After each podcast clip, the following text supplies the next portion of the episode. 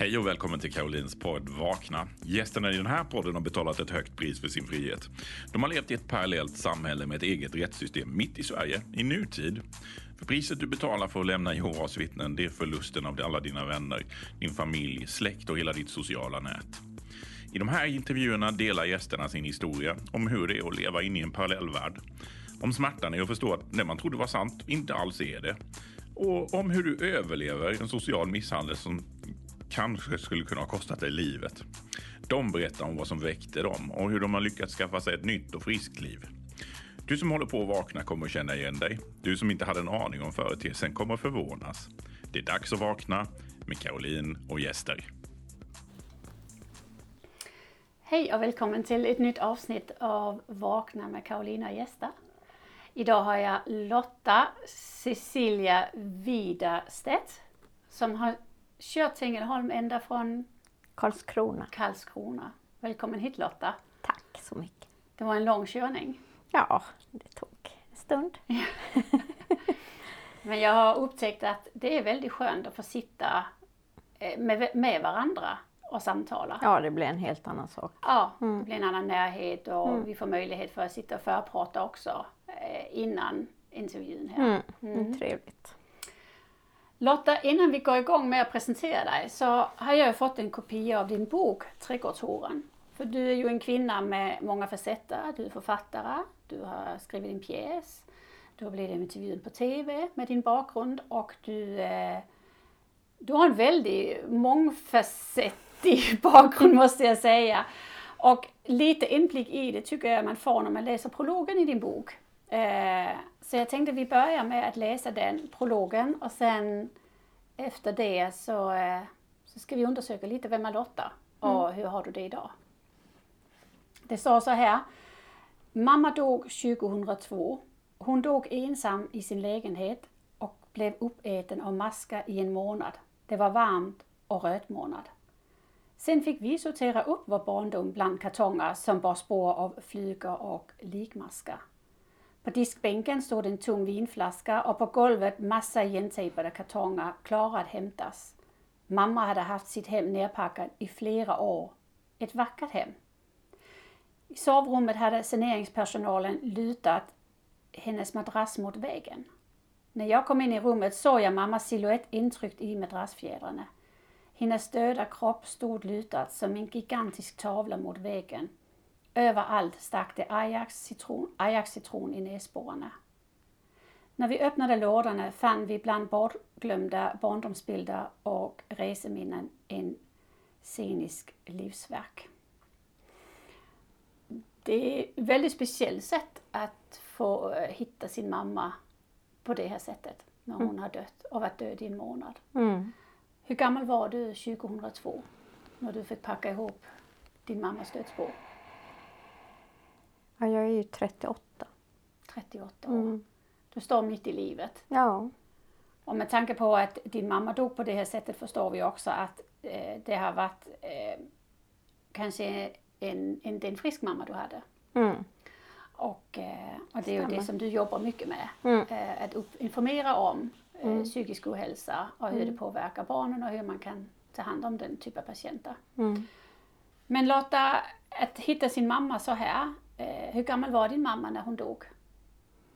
Hon var 73. Mm. Så egentligen en ung kvinna? Ja, med, da med, dagens mått mätt så eh, ja. var hon ju ung. Ja. Mm. Hur var det som barn att växa upp med en mamma som dör på det här sättet? Eh, mamma utvecklade ju en eh, psykossjukdom eh, långsamt. Eh, många med eh, psykossjukdomar, till exempel schizofreni, där kan det debutera ganska plötsligt i ung ålder. Men sen finns det ju en annan typ av eh, psykossjukdomar, en annan typ av schizofreni som debuterar senare i livet och eh, ofta i samband med eh, någon drastisk förändring i livet. Det kan till exempel vara en eh, skilsmässa. Mm. Eller dödsfall eller något sånt som blir liksom den utlösande faktorn. Mm. Det är en väldigt allvarlig sjukdom med en svår eh, sjukdomsprocess i hjärnan. Mm. Eh, och i min mammas fall så var det ju med all säkerhet eh, den typ av eh, psykossjukdom som debuterar sent. Men vi har också tydliga tecken på att mamma tidigt i livet visade tecken på begynnande sjukdom. Eh, paranoida drag framför allt. Eh, men det var ganska diffust och vi hade inte så mycket information om mammas eh, eh tidiga liv. Mm. Så eh, lite svårt att få grepp om egentligen hur länge hon hade varit sjuk. Men det smög sig på långsamt under min eh, uppväxt. Så du är född och uppväxt på 60-talet. Mm. I, var någonstans i landet är du född och uppväxt? I Mölnlycke utanför Göteborg. Utanför Göteborg. Mm. Var ni en stor syskonskara? Eh, jag hade ju en syster som var nära i ålder med mig mm. Och sen så hade jag två äldre systrar eh, mm. som var i tonåren när vi växte upp eh, eftersom min mamma hade varit gift tidigare när hon Mm. träffade min pappa. Mm. Eh, så i synnerhet har jag ju eh, vuxit upp med en syster nära då. Men, men eh, syskon och, och syskonbarn och så har ju funnits runt omkring oss under uppväxten. Och du växte upp med både mamma och pappa som var Jehovas vittnen. Ja. Hade de varit vittnen generationer tillbaka eller? Nej, utan eh, de blev Jehovas vittnen när jag var ungefär fem år. Och det var min mamma som fick eh, besök vid dörren av en broder. Eh, och jag är helt övertygad om att det var hans person i kombination med budskapet om paradiset som mamma fastnade för. Mm. Eh, det var precis vad hon behövde just då. Hon hade haft en ganska brokig start i livet och ja, eh, hon behövde någonting och, eh, och se fram emot. Ett hopp mitt i allt, en ljuspunkt som hon kunde liksom kämpa fram emot och lite riktlinjer i livet och så. Och pappa då som var akademiker, eh, ateist, jobbade inom försvaret. Eh, en helt annan typ av personlighet egentligen än vad mamma eh, var. Mamma var mer känslosam och lite konstnärligt lagd och så. Och han, eh, han kunde inte alls ta till sig budskapet till att börja med. Men sen var det ju så att mamma då bjöd ju in den här brodern och han kom tillbaka och så var pappa med i samband med diskussioner, diskussionerna då. Och han tilltalades av att han hade svar på tal Mm. och att man djupstuderade och slog upp skriftställen och argumenterade och, och så. Mm. Så som Jehovas vittnen Ja. arbetar. Han tilltalade, tilltalades av det. Eh, Det var ordning och reda liksom Mm. på svaren. ja. Så då omfattade de ganska så snabbt Ja. eh, Jehovas vittnen. Mm. Ja. Och så blev det ni började ha det i familjen. Ja, Ja. men jag har minne av att vi firade jul. Jag har minne av en julgran hemma och så. Mm. Så lite svaga minnen av Mm. livet innan. Mm. Eh, Men i stort sett är jag ju uppvuxen Ja. såklart.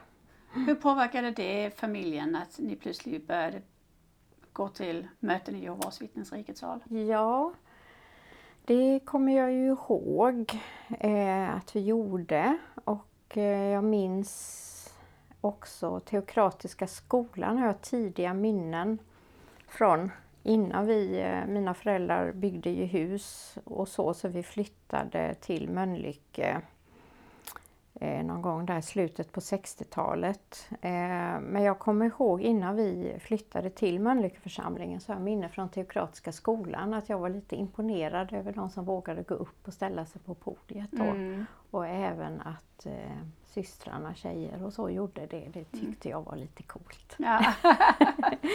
ja. Eh, och vi var flitiga mötesbesökare Mm. eh, från början. Ja, det var en viktig del av familjens liv. Blev allt mer präglade vårt liv väldigt mycket. Och din pappa han blev förordnad Ja, så småningom Mm. blev han ju det. Biträdande tjänare och sedan äldste. Mm. Jag kommer inte ihåg exakt när det var men eh, Mm.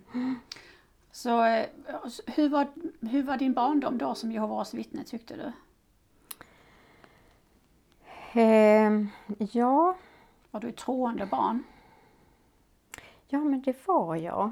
Ehm, jag upplever att jag fostrades, eh, det var vikt, tron var viktig, Mm. så fostrades jag. Eh, och det var viktigt att kunna ge svar. Eh, och det här att man får motstånd från omvärlden, det var liksom en naturlig del av livet. Mm. Eh, Så jag var nog ganska förberedd på det. Mm. Och, och visst, i, i skol, när man började skolan och så så eh, ja, retad blev, blev jag väl eh, såklart. Och mötte motstånd och motargumentation och frågor och varför är du inte med på det och varför är du inte Mm. med på det och så vidare. Men på något sätt så just den biten var jag, det hörde liksom till Mm. livet som eh, Mm. kristen hade jag fått lära mig. Ja. Men sen så småningom så förstod jag ändå att våran familj var ändå lite annorlunda än ändå, alltså jämfört med andra i församlingen. Ehm, alltså man var, mina föräldrar var mer noga med saker och ting eh, än andra var. Hur tänker du? Jag vet till exempel när vi hade såna församlingsfester och det spelades eh, musik. Vi hade var många som var musiker i den församlingen. Och jag vet att framförallt mamma då reagerade på att de spelade alltså olämplig musik så vi till och med tog oss därifrån vid något tillfälle. Eh, Mm. Och ehm, på något sätt så skulle vi hela tiden vara lite bättre än alla andra. Mm. Eh, och min mamma hon var skräddare i grund och botten och väldigt noga så med eh, kläder och vi barn också då. Vi var extremt välklädda, välkammade. Mm. Eh, alltid på mötena, alltid i tid. Man skulle vara förberedd. Det var, liksom, det var höga krav kan man säga. Men det räckte inte med det utan det fanns också höga förväntningar på oss i skolan. Mm. Att vara prestera och eh, vara duktiga där. Och eh, framförallt jag och min närmsta syster då, vi tack och lov hade ganska lätt för oss i skolan. Mm. Eh, så vi var ju, klarade ju av det. Ehm, men så småningom man, när jag kom upp i tonåren och så, så kände jag ju av pressen Mm. att eh, det här duktig flicka-syndromet och att man skulle döpa sig och min syster hade döpt sig men Hur gammal var hon när hon döpte sig? hon var 14 Ja. och jag Och var 15. ja. Men nu börjar vi ju då komma in lite på det här med den dysfunktionella delen av min uppväxt då för att Man kan tänka så här ofta, eller eh, man tänker så här en, en familj som är så stram, mm, eh, det yttre stramheten mm, med, med, med ordentliga kläder och man uppför sig ordentligt och man är lite mer noggrann mm, kan ju ibland återspegla den här stramhet på insidan. mm, Att man inte riktigt är avslappnad i det sig själv och man är inte lugn i sig själv utan ehm, sant. var det någon som sa det? Det här var kanske lite väl stramt. Det tror jag nog att några reagerade på att det var mm, lite för bra, absolut. Men inte, inte graden av dysfunktion som fanns i min familj. Det tror jag var svårt att urskilja i Vilken typ av dysfunktion hade ni i familjen? Ehm, jo, det var ju så att jag hade ju, till skillnad från min syster då, som kanske var lite smartare, inte vet jag. Men eh, jag var ju ganska öppen person. Eh, lite frispråkig, kunde säga från när jag tyckte att någonting inte var rätt eller bra. Eh, jag sa om jag inte höll med mamma och så vidare. Eh, lite Lotta på Bråkmakargatan kanske. Mm. En bra jämförelse om man har sett den filmen. Ja. eh, och det tålde inte mamma och med hennes ambition då att jag skulle växa upp som en god kristen människa så eh, gav hon mig stryk. Och på 60-talet, början av 70-talet så var ju inte det, var ju det tillåtet. Det fanns ju ingen, ingen, ingen lag som reglerade det då. Nej. Men jag tror också att det bottnade i mammas egen uppväxt. Mm. Så. Och att eh, de här paranoida tankarna, lite tvångsmässighet eh, började gro inom henne. Mm. Så att om man inte, när hon tappade kontrollen så var hon tvungen liksom att styra upp saker. Ja, precis. Ja, och då var jag den personen i familjen som fick ta det. Mm. Eh, och min syster då hade lättare, alltså hon mer, var mer följsam kan man säga och gick på mammas linje. Och det var ju hennes överlevnadsstrategi. Jag klandrar inte henne för det. Nej. Utan hon gjorde så gott hon kunde. Men jag fick ta det i alla fall och ehm, jag fick ta de här smällarna och det, hon använde ju mattpiskan. Och det kunde ju räcka med att man sa emot henne. eh, Att man sa emot mamma då. Så, eh, och mm, så fick man gå in på rummet och sitta där kanske några timmar. Och ibland då så kom hon in efter ett tag eh, med mattpiskan då. Mm. Eh, och vi hade ett städskåp som låg eh, väldigt nära eh, mitt rum. Så då väntade jag hela tiden på det ljudet när hon skulle öppna sk- städskåpsdörren och ta ut den då. Hur gammal var du när hon gjorde detta? Alltså jag, så länge jag kan minnas. Jag tror inte hon gjorde det när jag var riktigt liten men sen, jag skulle kunna tänka mig eh, förskoleåldern där. Mm. Strax efter eh, hon blev ett vittne. Mm. Hon kände ett behov av att, eh, att familjen skulle gå åt det här hållet som hon ville. Mm. Mm. Ehm, Vad sa din pappa till det? han, eh, hon gjorde det ju ofta när inte han var hemma. Eh, men jag vet ju att pappa även var hemma när det hände. Och det här hände ofta. För jag vet att när jag var lite äldre sen, om man säger nedre tonåren, då höll jag reda på hur ofta jag fick stryk. Och jag vet att en gång så tog det tre veckor mellan gångerna och det var liksom... Eh, det var ja, nu klarar jag mig så länge. Ja. Så det kunde hända allt från flera gånger i veckan till eh, kanske Ja. ett par gånger i månaden. Hur påverkade det dig som barn? Att få så mycket stryk. För man säger, barnaga var ju lagligt men misshandel var ju inte lagligt. Nej, nej precis. Och det är ju skillnad mot kanske att vid något tillfälle när humöret brister och man kanske klatschar till någon och, och att man eh, blir slagen på det här sättet som jag blev. Så det är helt riktigt, det här var ju misshandel. Mm. Ehm. Eh, förlåt, nu glömde jag fråga. Eh, vad frågar hur du? det påverkade dig Hur det barn? påverkade mig? Ja, alltså...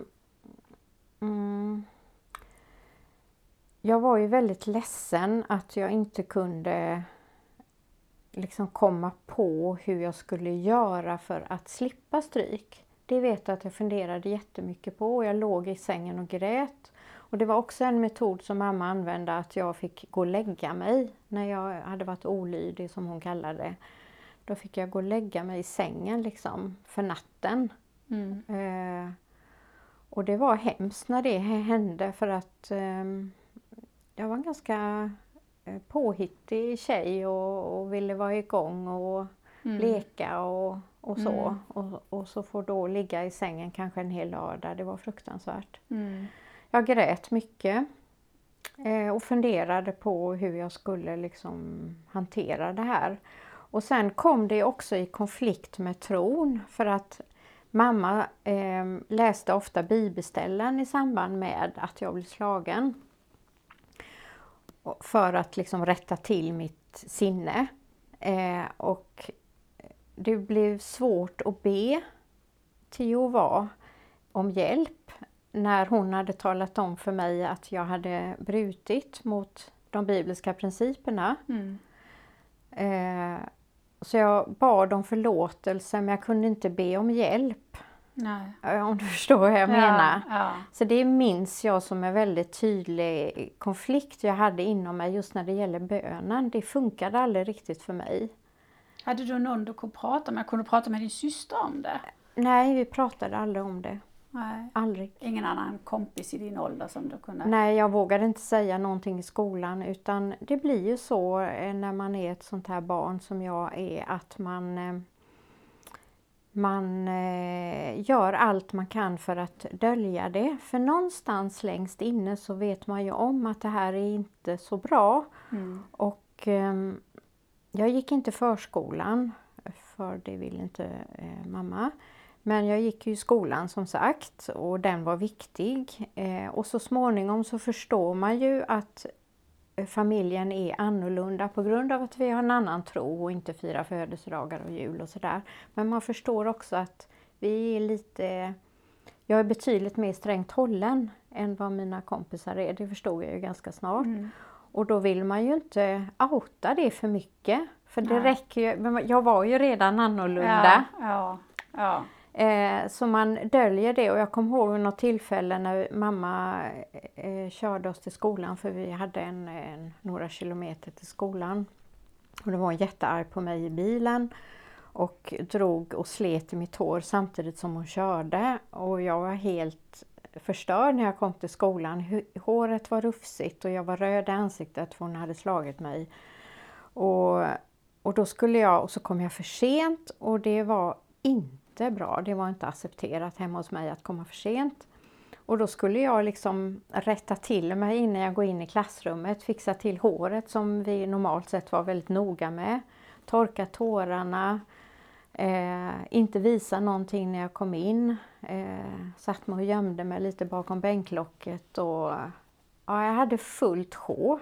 Mm. Och på gymnastiken så backade jag in i duschen för att inte visa de stora ringarna jag hade på rumpan och ryggen eh, ja. i samband med att vi duschade och så. Eh, så det var det som... Var det, någonsin, var det någon vuxen i, det här, i de här miljöerna som såg dig? Aldrig. Jag var så duktig på att, på att dölja detta. Hade du önskat det? Att någon såg dig? Jag tror att jag hade fått en enorm ångest av att bli avslöjad faktiskt. Men i grund och botten så ville jag ju det mm. såklart. Men det hade nog varit, jag tror skammen är så total. Mm. När man blir så gammal och förstår att det här inte är bra. Nej, precis. Eh, men sen var det ju så också då att, vi får inte glömma det i den här berättelsen, att jag ganska tidigt började utveckla fysisk, olika fysiska symptom. Det började med hälarna. Att jag hade värk i hälarna och de var ömma och den känslan den kommer jag ihåg än idag. Att jag liksom, när jag trampade ner hälarna så gjorde det väldigt ont. Och då, då började jag gå på utsidan av äh, fötterna mm. för att inte liksom trampa hälarna rakt ner. Och det sökte vi på på vårdcentralen och då vet jag att mamma var med. Och då sa de att eh, ja, men det är nog hälsporrar. Mm. Och så röntgade de och då vet jag att jag hoppades att de skulle hitta hälsporrar för att ja. de liksom skulle se vad det var. Ja. Men de hittade inga. Och så sa de då att, eh, att jag skulle använda korkinlägg. Och då vet jag att det, nej men usch vilken tråkig behandling. Eh, Ja, det var det bästa de kunde komma på. Ja. Liksom. Ja. Men sen eh, så småningom så blev det eh, problem med leder, ömma höfter, knän, händer. Mm. Och jag vet att jag själv sökte till vårdcentralen mamma möjligt följde med till vårdcentralen men jag gick in själv.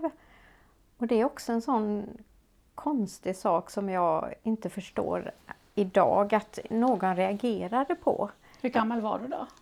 Alltså jag gick ju i nej, början på mellanstadiet. Ja, och, och inte hade din mamma med in? Nej, och när jag gick till tandläkaren, jag kan inte minnas att mamma har varit med någon gång. Ja, men, ja.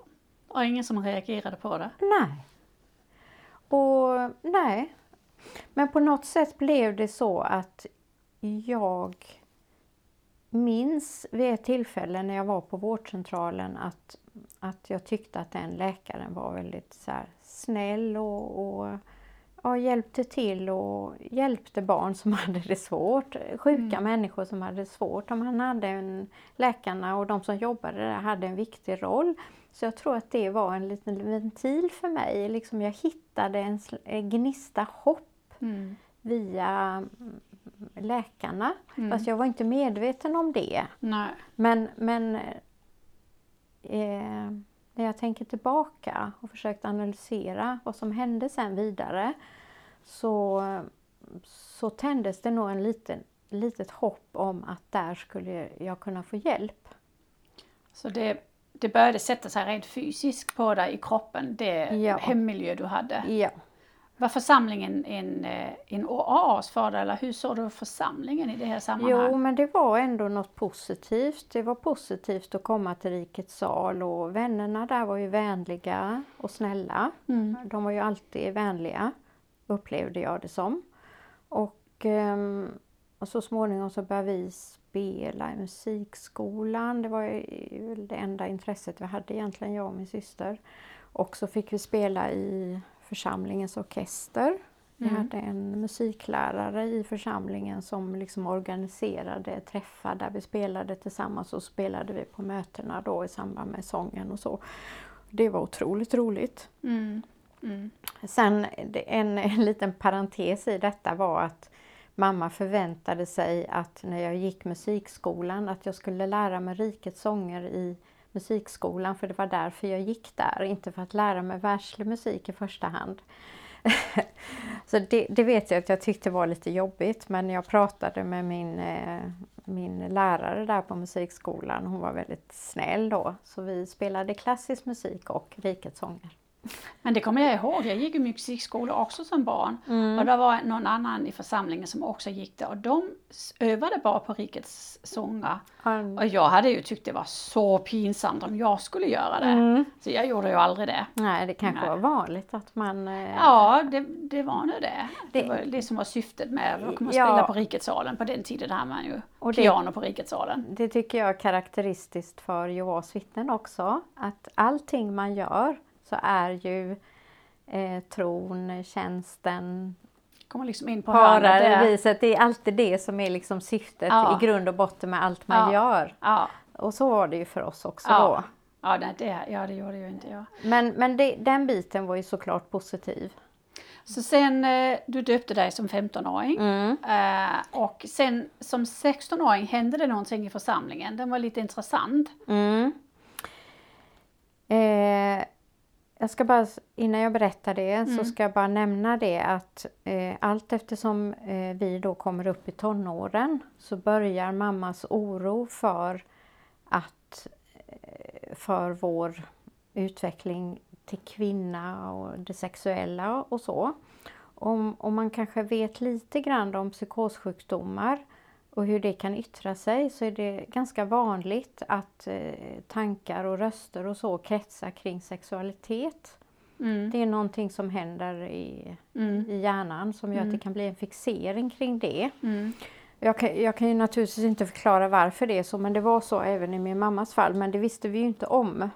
Så hon, eh, hon eh, inbillade ju sig att pappa eh, jag höll på med massa andra kvinnor och eh, anklagade honom för det och det gjorde ju att han eh, ihop med lite andra eh, irritationsmoment kring honom gjorde att han fick då flytta ner i källaren. Så större delen av min barndom så har pappa fått bo i källaren.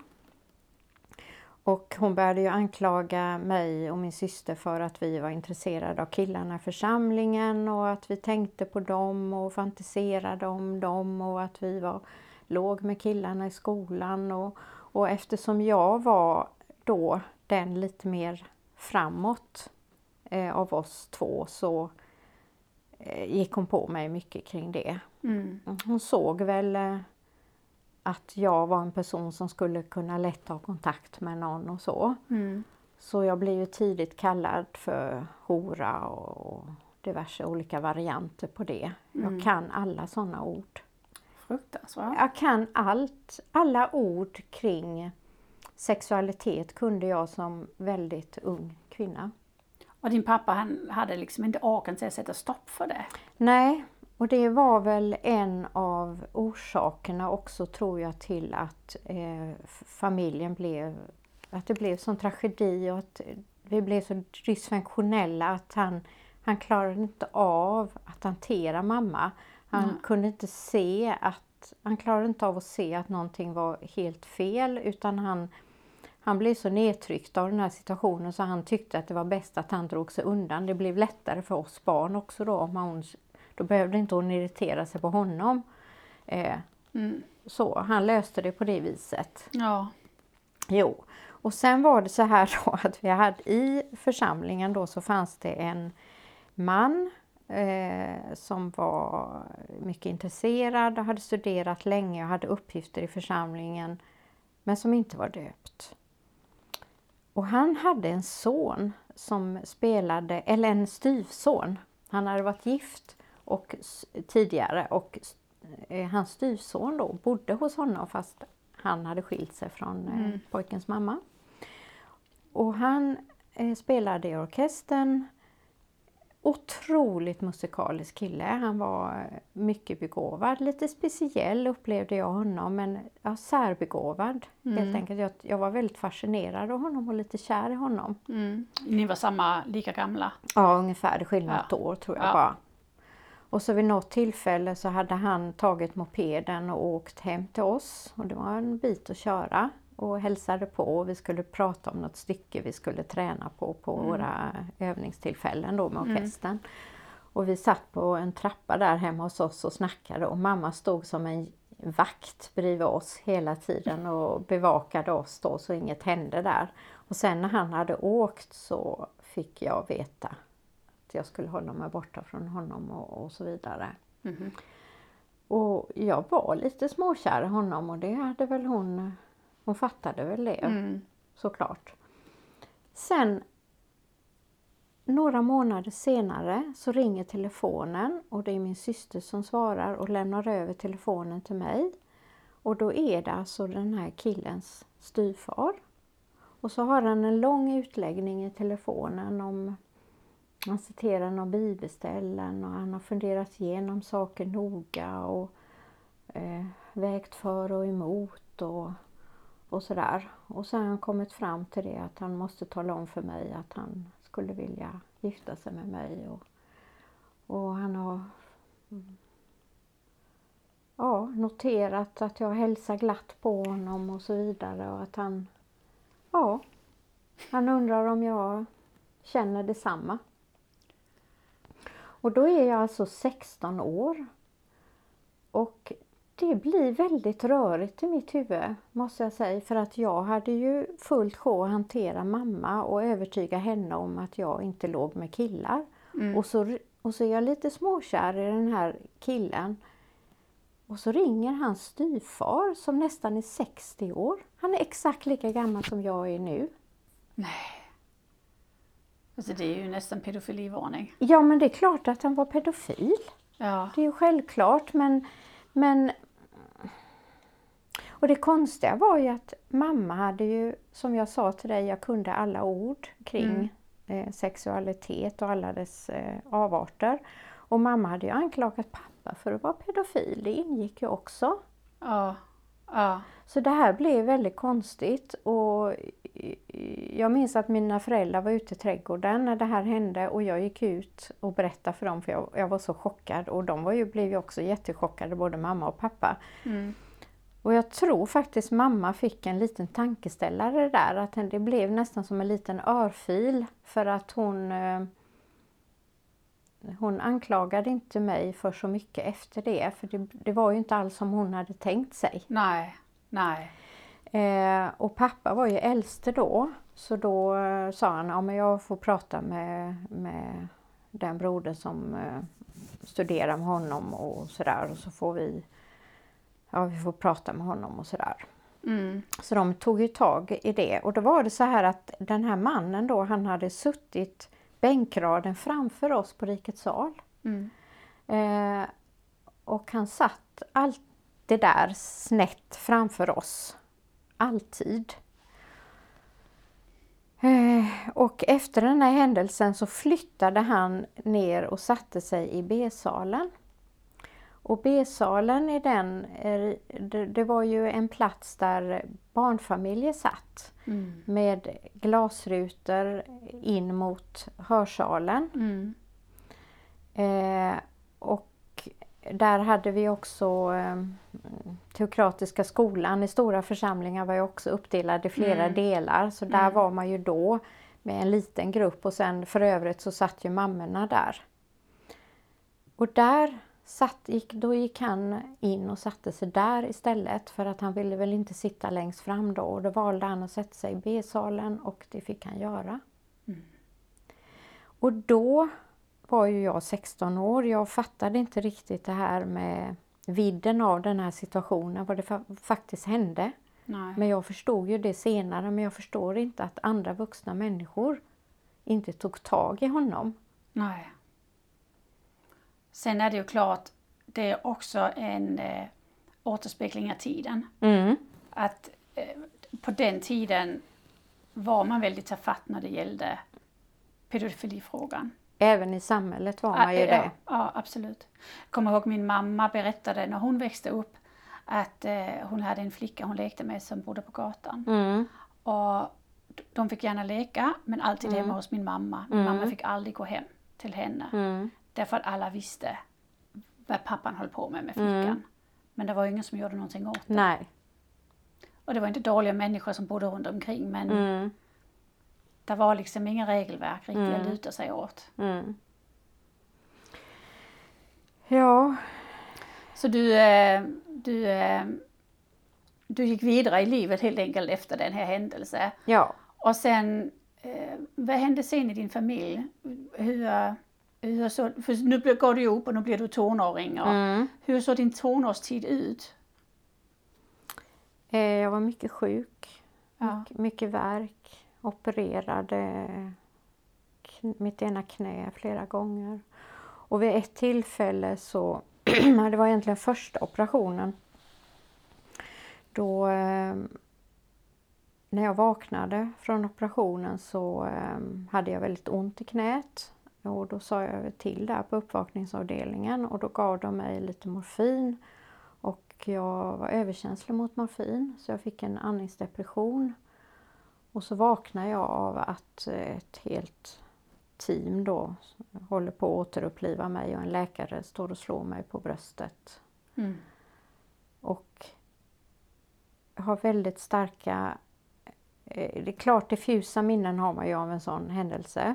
Men jag har också väldigt starka minnen av att jag försökte medvetet sluta andas sen. Mm.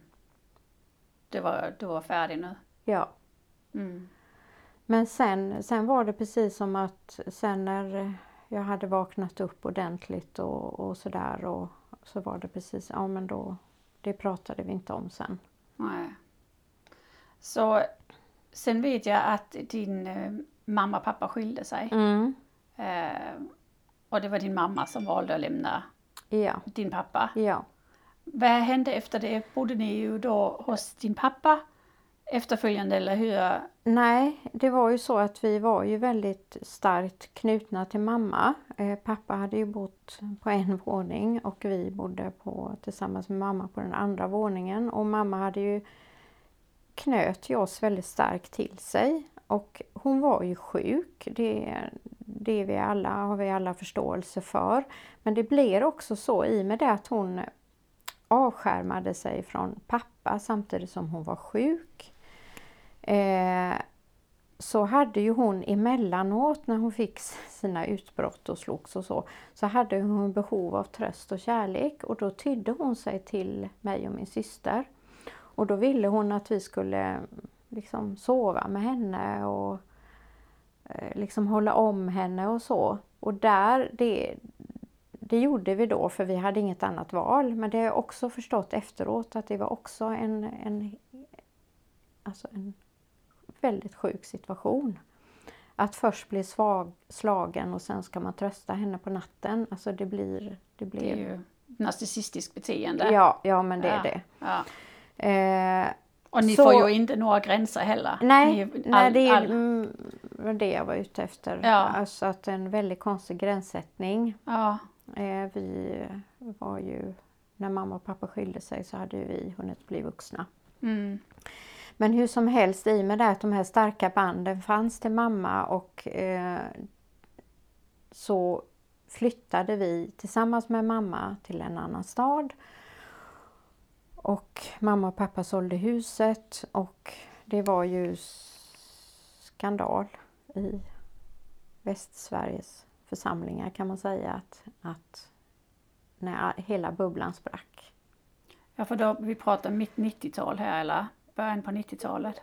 Eh, nej, nu är vi 84. Ja, början på 80-talet. Ja. ja, 84. Då var det ingen som skilde sig. Nej. Och speciellt inte en familj med en där och så vidare. Nej, nej det var väldigt ovanligt. Och eh, mamma flydde ju kan man säga från, eh, hon förstod ju vad resultatet skulle bli och i och med det att det var hon som tog initiativet och motivationen till skilsmässan var ju att eh, pappa var ingen bra man och han, eh, ja, han kunde inte visa kärlek och det var psykisk tortyr och det var allt.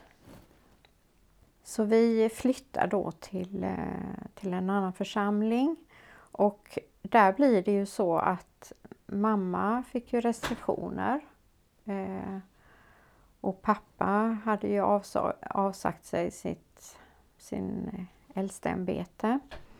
Eh, och ja, det var ju jag och min syster då som...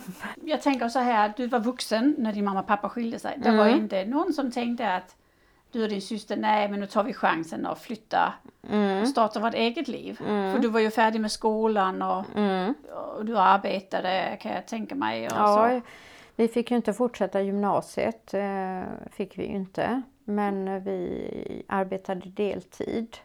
Och min syster framför allt var ju ofta hjälppionjär. Och det var ju jag också till viss del men jag hade ju min, min hälsa som eh, mm. hindrade mig i mycket. Både när det gäller arbete och framtidsplaner och församlingens aktiviteter och så vidare. Men Visst, jag hade tankar och det vet jag att min syster också hade att det var dags att skaffa sig ett eget liv. Men det var inte riktigt läge för det kände vi bägge två eftersom det var så skört då i samband med skilsmässan. Mm. Och vi märkte ju att mamma var skör även om vi inte förstod vidden av hennes problem. Eh, och vi har ingen annan vuxen som kunde hjälpa oss att förstå heller. Så vi valde att flytta med mamma med den tanken att hon får landa nu. Det blir nog bättre när mamma och pappa skilt sig. Nu blir det lugnt. Det, det trodde ju jag. Mm. Nu blir det lugnt. Och, och sen så kan vi eh, liksom eh, ja, mm. leva ett eget liv. Kanske skaffa familj och så. Hur blev det då? Eh, efter flytten eh, så gjorde vi en resa tillsammans med mamma till Eilat, Israel. Och på den resan så blir mamma riktigt sjuk. Vi börjar förstå, jag och min syster, att alltså, hon, hon mår inte bra. Mm. Nu börjar det bli riktigt tokigt. Och innan hade det varit så att mamman när hon blev upprörd så kunde hon säga saker och eh, anklaga oss för olika saker och älta saker och liksom långa monologer om hennes tankar som var lite galna. Men, men nu kunde hon, nu fanns det med hela tiden även när vi var ute i affärer eller på restaurang eller i hotell, eh, receptionen liksom.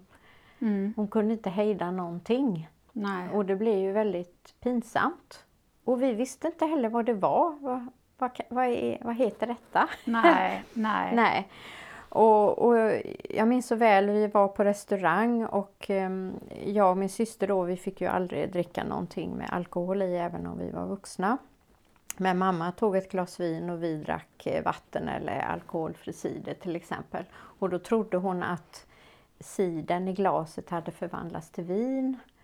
Och hon eh, trodde att kyparna eh, ville förföra mig och min syster men egentligen så var det henne de var ute efter för hon var ju nyskild och Mm. tillgänglig och läcker och så. Men de gick via oss, du vet. Ja, som vanföreställning. Vanföreställningar ja. Och en dag på hotellrummet där så fick jag nog. Jag, alltså jag var så trött på det här snacket. Mm. Eh, och jag sa till henne på skarpen att nu får det vara bra, nu får du sluta. Ingenting av det du säger har något med verkligheten att göra. Alltså, nu får du lägga av. Och jag var så arg på henne.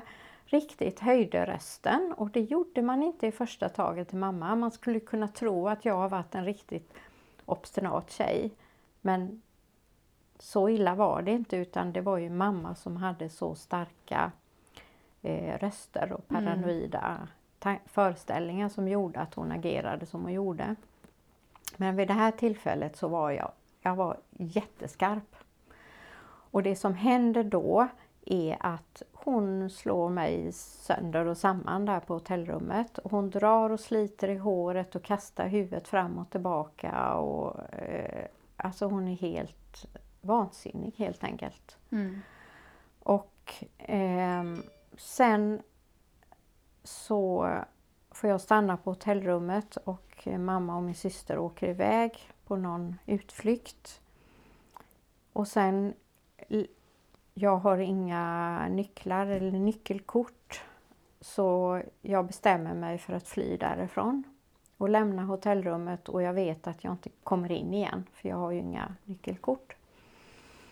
Eh, och sen bara går jag och går och går och jag gråter och jag vet att jag pratar högt för mig själv att jag, jag vill inte mer, jag orkar inte mer, jag kan aldrig mer gå tillbaka. Nu, nu sticker jag, nu ska jag eh, Ja, jag ska skaffa en egen lägenhet. Nu, nu räcker det liksom. Jag Mm. kommer inte att gå tillbaka. Mm. Jag vägrar. Och sen insåg jag ju då efter några kilometer, jag bara gick och gick och gick och gick. Ja, men jag har ju inga pengar. Jag har ju bara fickpengar. För mamma höll liksom i ekonomin, även pappas pengar eh, när de bodde ihop eh, höll hon i och så. Eh, att jag, ja, hur ska jag kunna flyga hem? Ja, men jag kanske kan prata med guiderna eller flygpersonalen eller någonting. Nej, men det kan jag ju inte. Och jag är så dålig på engelska. Nej, det går inte. Så jag fick ju ta mig tillbaka till slut då efter en hel dags vandrande hem då tillbaka till hotellet. Och sen vet inte jag så mycket vad som händer resten av den resan. Det är väldigt... Eh, det tog faktiskt tio år innan jag kom ihåg den här händelsen eh, Mm. efteråt sen. Mm. Och vi avslutar semestern Eh, som tänkt och åker hem. Och sen när jag kommer hem då får jag väldigt ont i ryggen. Eh, och det tilltar. Jag får fruktansvärda smärtor. Eh, som ett, om man tänker sig ett, ett ordentligt ryggskott. Och jag går till vårdcentralen och jag säger till dem att nu måste ni hjälpa mig för jag har så fruktansvärt ont i ryggen. Jag orkar inte med det här. Och så blir jag remitterad till ortopeden. Och det blir värre och värre och jag blir inlagd. Och snart börjar jag få andra symptom. kraftigare smärtor, eh, känselbortfall. Eh, ja, jag blir riktigt dålig helt enkelt. Och blir utomlänspatient, skickas till Salgrenska och flyttas runt där också. Ortoped, reumatolog och hamnar till slut på neurologen och blir utredd eh, Ehm, med olika neurologiska undersökningar, alla röntgenundersökningar som tänkas kan. Och jag kunde inte heller, ehm, jag kunde inte kissa, kunde inte reglera sådana funktioner längre. Och ehm, sen sa man till mig att jag skulle få en ny läkare men jag fick vänta ett par veckor för att han var på semester. Och då var undersökningarna klara och jag tyckte det var lite konstigt att jag skulle vara där på avdelningen. Eh, man hittade inget fel på mig för det hade man ju sagt. Ändå skulle jag vara kvar, det var viktigt. Eh, I väntan på ingenting och att vara utomlänspatient kostar pengar, det visste jag om. Jag tyckte det var lite konstigt läge. Men det, jag stannade där i alla fall, jag hade ju inget val eftersom jag inte kunde gå. Mm. Och sen eh, kommer den här läkaren tillbaka från semestern och tar hand om mig. Eh, första dagen så kommer han in och presenterar sig och säger nu är jag din doktor och ikväll ska, kommer jag och ska jag prata med dig. Och han liksom, jag märker på en gång att han försöker lära känna mig och berätta lite om sig själv och, och så. Och ganska snart så talar han om för mig att eh, man har inte hittat någon mm, fysiologisk orsak, neurologisk orsak till mina besvär. Men att man kan bli förlamad som jag hade blivit eh, och kraftiga smärtstillstånd och så vidare om man har varit utsatt för ett, ett riktigt trauma, ett allvarligt trauma. Mm. Och, och då reagerar jag direkt, nej men jag har inte jag har en helt normal barndom och bakgrund. Inget konstigt med nej, mig. Nej, nej, jag har inte, nej men jag har en jättefin familj och så och berättade hur jag hade vuxit upp i det här fina huset. Och, mm. ja, mamma är väl lite sträng men jag har ju min syster och ja, tron och allt detta. Du berättade inte om stryk alla de gångerna du har blivit slagen? Nej, absolut inte. Nej. Nej. Eh, men och, och, då när jag, jag går ju upp i försvar med en gång.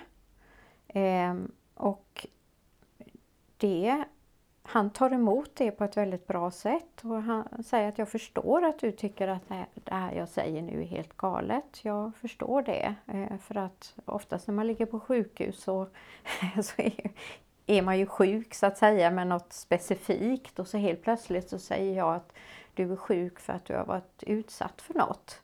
Jag förstår att du reagerar men, men du har inget val, du är förlamad. Låt mm. mig hjälpa dig. Ge mig en chans, vad ska du göra? Och han är så, han är så rak och han är så uppriktigt vänlig. Mm. Fastän jag är ganska irriterad på honom. Så att, okej okay då, säger jag. Du får chansen. Mm. Men jag tror inte på dig. Och sen, eh, ja, vi fortsätter våra samtal och han eh, talar om för mig också någon dag senare där att han tror att det handlar om min mamma. För att hon har inte varit där eh, på avdelningen. Så även om jag är vuxen så hade min dotter, sa den här läkaren, varit i din situation så hade jag suttit här all min lediga tid. Och jag hade pratat med läkarna och ställt massa frågor och jag hade pratat med personalen och jag hade ringt hit och så men din mamma är inte här. Mm. Det stämmer inte. Nej. Och sen så hade han också lagt märke till att jag gick upp i försvar. Jag fattar inte varför du försvarar henne, sa han. Är inte du, inte du ledsen för att hon inte är här hos mm. dig i denna svåra... Mm. Du är sjuk, du är allvarligt sjuk liksom. Mm. Sådär, så han eh, lyckades få mig att börja släppa lite på... Eh... Och kanske också första gången du egentligen var ifrån din mamma? Ja. Ifrån hemmet och, och mamman och plötsligt få input utifrån? Ja. Och det... Som såg dig? Och det, där säger du något väldigt intressant för att de enda gångerna jag kom hemifrån det var ju när jag var på sjukhuset, Mm. även som barn. Mm. Och ja. Eh, ja. Och det var väldigt skönt att vara hemifrån, det var det ju. Och då började han bearbeta din relation med din mamma. Ja, han ställde frågor och han frågade vad jag hade för planer framåt och, och så. Varför har du inte gått gymnasiet? Jag märker ju på dig att du är skärpt. Ja. Varför? Mm. Så i, såna här ställde sådana jobbiga frågor. Mm. Ehm, och frågade om pojkvänner och Mm. ja, du vet. Som en, du vet, han blev helt plötsligt så blev han som en sån här fadersfigur för mig. Han ställde sådana frågor som en pappa ska ställa. Eh, så jag började ju eh, smått berätta mm. hur min mamma var och hur jag hade det och vad som var besvärligt och lite om tron och sådär och där lugnade han mig då för att han var själv prästson. Och eh, ja, hans pappa mm, han hade fått följa med sin pappa i hans arbete när han var liten och följa med Mm. till kyrkan och allt det här. Mm. Så det var inget konstigt för honom. Du kan Mm. känna dig lugn liksom. Jag behöver inte skämmas för det. Och, alltså han var så himla god Mm. alltså den här Mm. människan. Och sen eh, Ja, jag börjar berätta och sen kryper det då fram att jag har blivit slagen. Eh, till slut säger jag det fast jag, jag visar ju inte, eller jag berättar ju inte hela historien eller visar bredden av denna misshandel men jag liksom nämner det i alla fall. Och eh, efter det samtalet så samlar han vårdteamet som fanns kring mig, alla de personerna, sjukgymnaster och arbetsterapeuter och, och så vidare. Och det gjorde han ju regelbundet bara för att följa utvecklingen och hur det gick för min träning och så vidare. Men då berättar han inför hela det här vårdteamet att jag har berättat att jag har blivit slagen. Och det, det var fruktansvärt att höra honom säga det. Jag var inte beredd på det Mm. alls och jag kände mig väldigt eh, outad, kränkt, eh, blottad. Men eh, duktig flicka som jag var så säger jag ingenting inför vårdteamet utan jag bara sitter där tyst. Mm. Och sen efter det så tar jag min gåstol och släpar mig då in på rummet. Och jag är så arg. Alltså det är så det kokar i mig. Mm. Jag är så fruktansvärt kränkt. Och sen hade jag en garderob där för jag hade varit på sjukhuset länge så jag hade en hel del kläder och då sätter jag på mig plagg efter plagg efter plagg ovanpå vartannat för att jag, jag kände mig så naken. Och sen så släpade jag mig ut från avdelningen och det var första gången som jag hade lämnat avdelningen helt själv utan annars gjorde jag det i rullstol eller med säng eller så men jag släpade mig ut. För jag skulle ut därifrån, nu skulle jag fly igen. Jag skulle inte gå tillbaka utan nu, ja, ja, vad som helst, jag ska inte dit igen då. Mm. Men det klarade jag ju inte av såklart så när jag hade lugnat ner mig så gick jag tillbaka och eh, tog tjuren vid hornen och förlät honom inom mig själv utan att nämna det här. Och efter den händelsen så blir jag snabbt bättre. Mm. Mycket snabbt. Det ena efter det andra släppte. Vi fortsatte våra samtal, jag fortsatte jobba med sjukgymnast. Han, jag började planera för framtiden. Han bjöd in min syster i samtalen så att hon också skulle få hjälp att komma hemifrån. Ehm, Jag måste bara säga, det är så intressant att se hur kroppen pratar med oss. ja, Jag är själv väldigt intresserad av detta här Mm. att allt det vi inte förstår med hjärnan förstår ju kroppen mm, och den ger oss väldigt tydliga signaler. mm, Och när du visar, okej, det är det här det beror på, Mm. det är misshandeln jag varit utsatt för. mm. Ja, då behöver inte kroppen prata, nu har du fattat. Ja. Så slutar vi ge signalerna. Det är Det så finns en, fascinerande. ja, jag håller verkligen med dig. Jag är också väldigt, eh, jag känner sån respekt för kroppen ja. efter den här eh, det här- erfarenheten. Ja, att vi ska inte bara ta smärtstillande utan lyssna på vad Mm. kroppen vill säga. Mm. Lär dig känna din kropp. Ja. För den är jättesmart. Mm.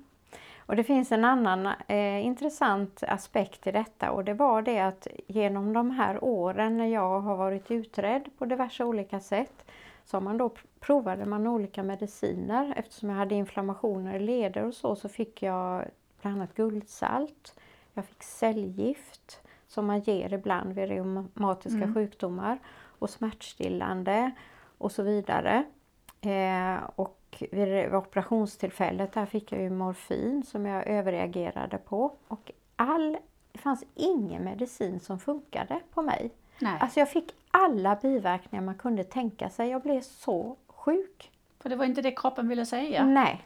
Och det noterade även den här läkaren, neurologen, att han, han menade det att det var inte det som var felet. Kroppen ville inte ha det som du säger. Nej, Eh, och, eh, och sen försökte han då förklara utifrån läkarperspektivet, det medicinska perspektivet, eh, hur det kan bli så här. Eh, och man kan, man kan jämföra nervsystemet med en eh, dator. Eh, att när det blir för mycket liksom input, och man, man kan tänka sig att jag tycker man kan förklara det så här om man tänker sig att man sitter vid internetbanken och ska betala räkningar. Och så bara man klickar och klickar och går för fort och man väntar inte på att datorn liksom får arbeta i sin takt. Så till slut så bara så kan det bli så att det bara systemet hakar upp sig. Ja. Det bara står där och tuggar och det händer ingenting. Nej. För mycket input. Ja. Och eh, det blir liksom, ja. Eh, Det blir låsningar i sig det själv. blir, det blir låsningar eh, och det kan bli buggar i systemet. Mm. Ungefär så kan vårt nervsystem eh, reagera. Att Mm. när det blir för stark inre press, stress för hjärnan så slutar eh, nervsystemet att fungera normalt. Det är inte helt avstängt. Nej, det är fortfarande helt intakt men det fungerar inte normalt. nej. Och I mitt fall så handlar det om värk och känselbortfall, förlamningssymptom. Eh, sådana normala funktioner som urinblåsa och tarm till exempel fungerar inte. Men det kan också vara betydligt lindrigare symptom. En del får kramper, ryckningar, huvudvärk, eh, migrän. Eh, eh, ja, den typen av att rörelser med eh, en arm till exempel fungerar kanske inte, Nej. men den andra fungerar. Eller att Ja. det blir ryckiga rörelser. Ja. Alltså det kan vara många olika symptom och det kallas för funktionella neurologiska symptom. Mm. Eh, och det finns en medicinsk förklaring på det. Men sen är det också massa olika psykologiska faktorer. Har du varit symptomfri efter det? Ja, Eller hur har din hälsa varit? Nu är det ju många år sedan. Det ja, oh ja. 40 år sedan nästan. Nej, kanske inte riktigt, men, Mm. men över 30 år sedan. Mm. Vad, har det liksom gjort att du har sen varit frisk eller? Jag har i synnerhet varit frisk men jag har eh, haft en del problem med rygg och bäcken eh, i samband med att jag fick mina barn. Jag fick tre barn tätt, tre Mm. barn på tre år. Oj. Ja, och det är jobbigt för vem som helst men att man märkte ju där att min kropp reagerade då. Men Mm. inte den typen av symptom. Men eh, såklart. Men eh, jag har fått lära mig under livet och av den här eh, historien att det är väldigt viktigt att sköta om sig själv, att sköta om sin kropp. Och det var något som jag inte lärde mig som barn. Mm. Att vara uppmärksam på hur jag mår och på signaler. Mm. Eh, man skulle ju kunna tro då med den här historien När jag var väldigt mycket på sjukvården och fram och tillbaka till doktorn och testade mediciner och operationer. Att jag var väldigt så fixerad vid min kropp och det var jag. Men på fel sätt. Mm. Fokuset var inte att, eh, att sköta om min kropp och, och lyssna utan Mm. det var mer att lyssna efter symptom och sen haka fast för dem. För om jag hakar fast vid det här symptomet jag nu har så kanske jag kan gå och be någon om hjälp. Mm. Inte absolut inte medvetet Nej. men Mm. du förstår, Ja, ja, absolut. helt fel fokus. Ja, ja. Så det har jag fått lära mig att, att, ehm, att vara rädd om min kropp och stolt för min kropp och, Mm. och eh, ja, sköta om mig med bra mat och lagom vila och, och så. Mm. Då kanske inte var hela den miljö du hade hemma som uppmuntrade till det utan Nej. det var mer plikt och disciplin och, och krav. Absolut. Men om man, om man går lite framåt nu i berättelsen så eh, man kan säga du frigör dig från din mamma här Mm. eh, med hjälp av läkaren och du startar ett eget liv och Mm. du gifter dig och du får barn och, Och jag är kvar i församlingen. och du är kvar i församlingen. Ja. När är det du börjar lämna församlingen? För egentligen allt detta här har det har ju inte varit skadligt för dig att vara i församlingen. Eh, De kanske inte så, så dig men det gjorde inte samhället heller. Nej. Den miljön ni levde i. Mm. När var det du började ta tag i det här med den religion du tillhör? Mm. Jag fick en utmattningsdepression när barnen var små. Eh, och det hade ju egentligen ingenting med min, mitt arbete att göra. Eh, utan det var mer, jag tror att jag var, jag hade en väldigt tung ryggsäck med mig. Eh, Mm. Den här läkaren jag träffade då på neurologen hjälpte mig under en period. Sen släppte han mig. Och eh, han ville att jag skulle fortsätta och, och bearbeta mina upplevelser hos en psykolog. Men det, det fungerade inte alls för att eh, han, han använde det goda samtalet med mig eh, och det funkade väldigt bra medan hon använde andra terapeutiska metoder. Mm. Ja, det, det, det fungerar inte alls. Så att jag avslutade det och kämpade på rätt så bra ändå och var lite intresserad av personlig utveckling och läste lite självhjälpsböcker och så vidare. Men sen då efter tre täta graviditeter och, och en, en flytt ner till Blekinge och ja, så Mamma var väldigt svårt sjuk. Hon blev ju sjukare och sjukare. Nu är vi uppe i slutet av 90-talet. Eh, ja, Ja. Mm. precis. Eh, och mamma försvann också under en period. Hon flyttade utan att tala om vart hon flyttade. Och, Mm. ja, så. Ehm, så ehm, fick jag en utmattningsdepression och eh, började bearbeta det och gick i terapi och började förstå liksom hur, hur allting hängde ihop och förstod att jag behövde ta tag i mitt liv. Och det här med församlingen och den pressen jag kände därifrån att, att ehm, uppfostra barn, gå på möten, gå i tjänsten och allt det, det, det outade inte jag i terapin. Nej. Eh, jag vågade inte det för att det kändes inte rätt. Eh, och eh, jag var också noga med att jag hade tankar om att jag kanske inte kommer kunna klara vara ett Jehovas vittne.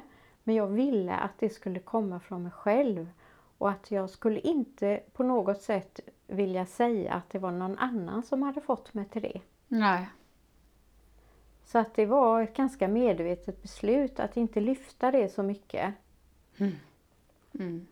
Så egentligen var det ju dina frågeställningar som började sippra i huvudet på dig Mm. var inte utifrån att det är inte sanningen utan mer att jag orkar inte med det. Ja, det var en viktig aspekt. Jag orkar inte med det här livet. Mm. Eh, och sen var det också det att jag hade barn det, är- det är väldigt starkt att bli mamma. Mm. Och man börjar fundera på vad vill jag ge ba mina barn. Mm. Och då är det ju naturligt att man tittar tillbaka på ens barndom. Mm. Och vad hade jag för referensram Mm. där? Ingen alls. Nej. Eh, och det blev en strategi att jag skulle absolut inte göra som mina föräldrar gjorde eller framförallt inte som min mamma betedde sig. Eh, men hur skulle jag då vara? Mm. Och där kände jag en, en vilsenhet och trevade mig fram och försökte hitta andra föredömen, andra kvinnor, andra tjejer. Eh, läste en del och så vidare. Men jag kände att jag kunde inte hämta den hjälpen i församlingen. Eh, Nej. Jag kände att jag var på väg någon helt annanstans. Ja. Och eh, jag började hämta mig från den här utmattningen och började plugga och började se ljus på tillvaron. Jag kände att jag började återfå kraft och började liksom tänka framåt. Och var, jag, måste, jag hade en vårdutbildning i botten. Nej, nu vill jag göra något annat. Jag vill liksom, ja, jag började fundera på vad jag ville göra.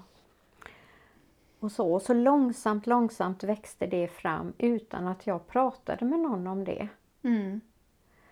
Sen var det en viktig händelse eh, som hjälpte mig att fatta det beslutet. Och det var så här att jag och min dåvarande make, eh, vi separerade under ganska odramatiska former. Eh, för att vi helt enkelt hade vuxit ifrån varandra.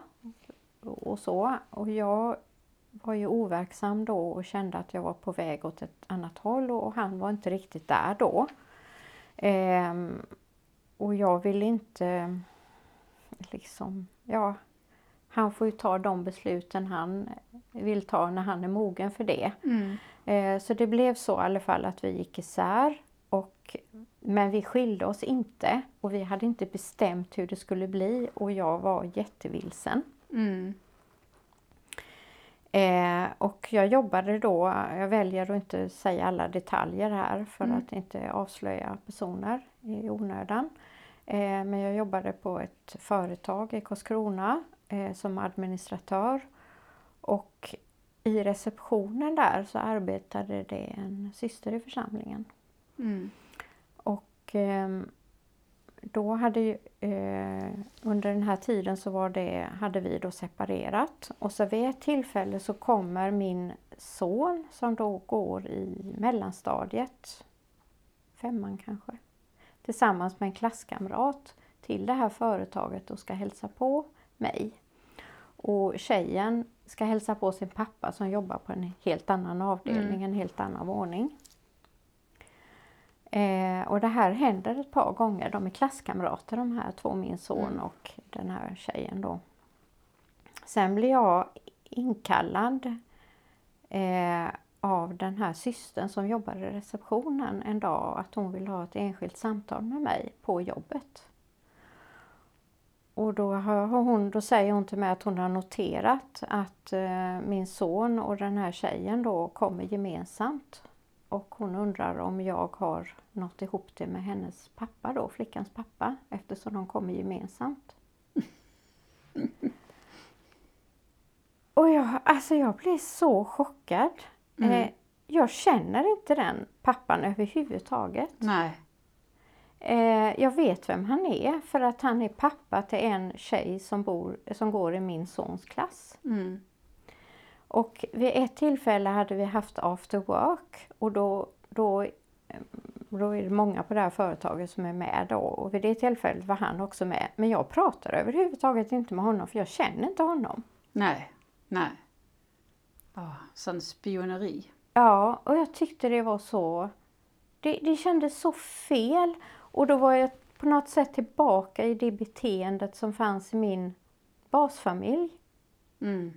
Där man anklagar hela tiden utan någon som helst grund. Att man hela tiden känner att man måste vara perfekt för man har hela tiden ögonen på sig. Vad sa du till henne då? Absolut inte. Eh, Nej. jag bara avfärdar allting hon säger. Ja. Ja, ja. Och vad gör hon med det? jag vet inte. Nej. Mm. Och vad hände sen? Eh, Träffade du någon eller? Nej, sen eh, det går ett litet tag och sen så bestämmer jag mig för att jag vill lämna församlingen. För jag känner att eh, jag vill ta ett stort språng bort från allt vad dysfunktion heter. Mm. Du såg församling som dysfunktionell. Ja, verkligen. Och då Mm. hörde ju till saken att, att eh, mina arbetskamrater då hade ju, eh, berättade ju för mig att den här systern hade svåra personliga problem och alkoholproblem också.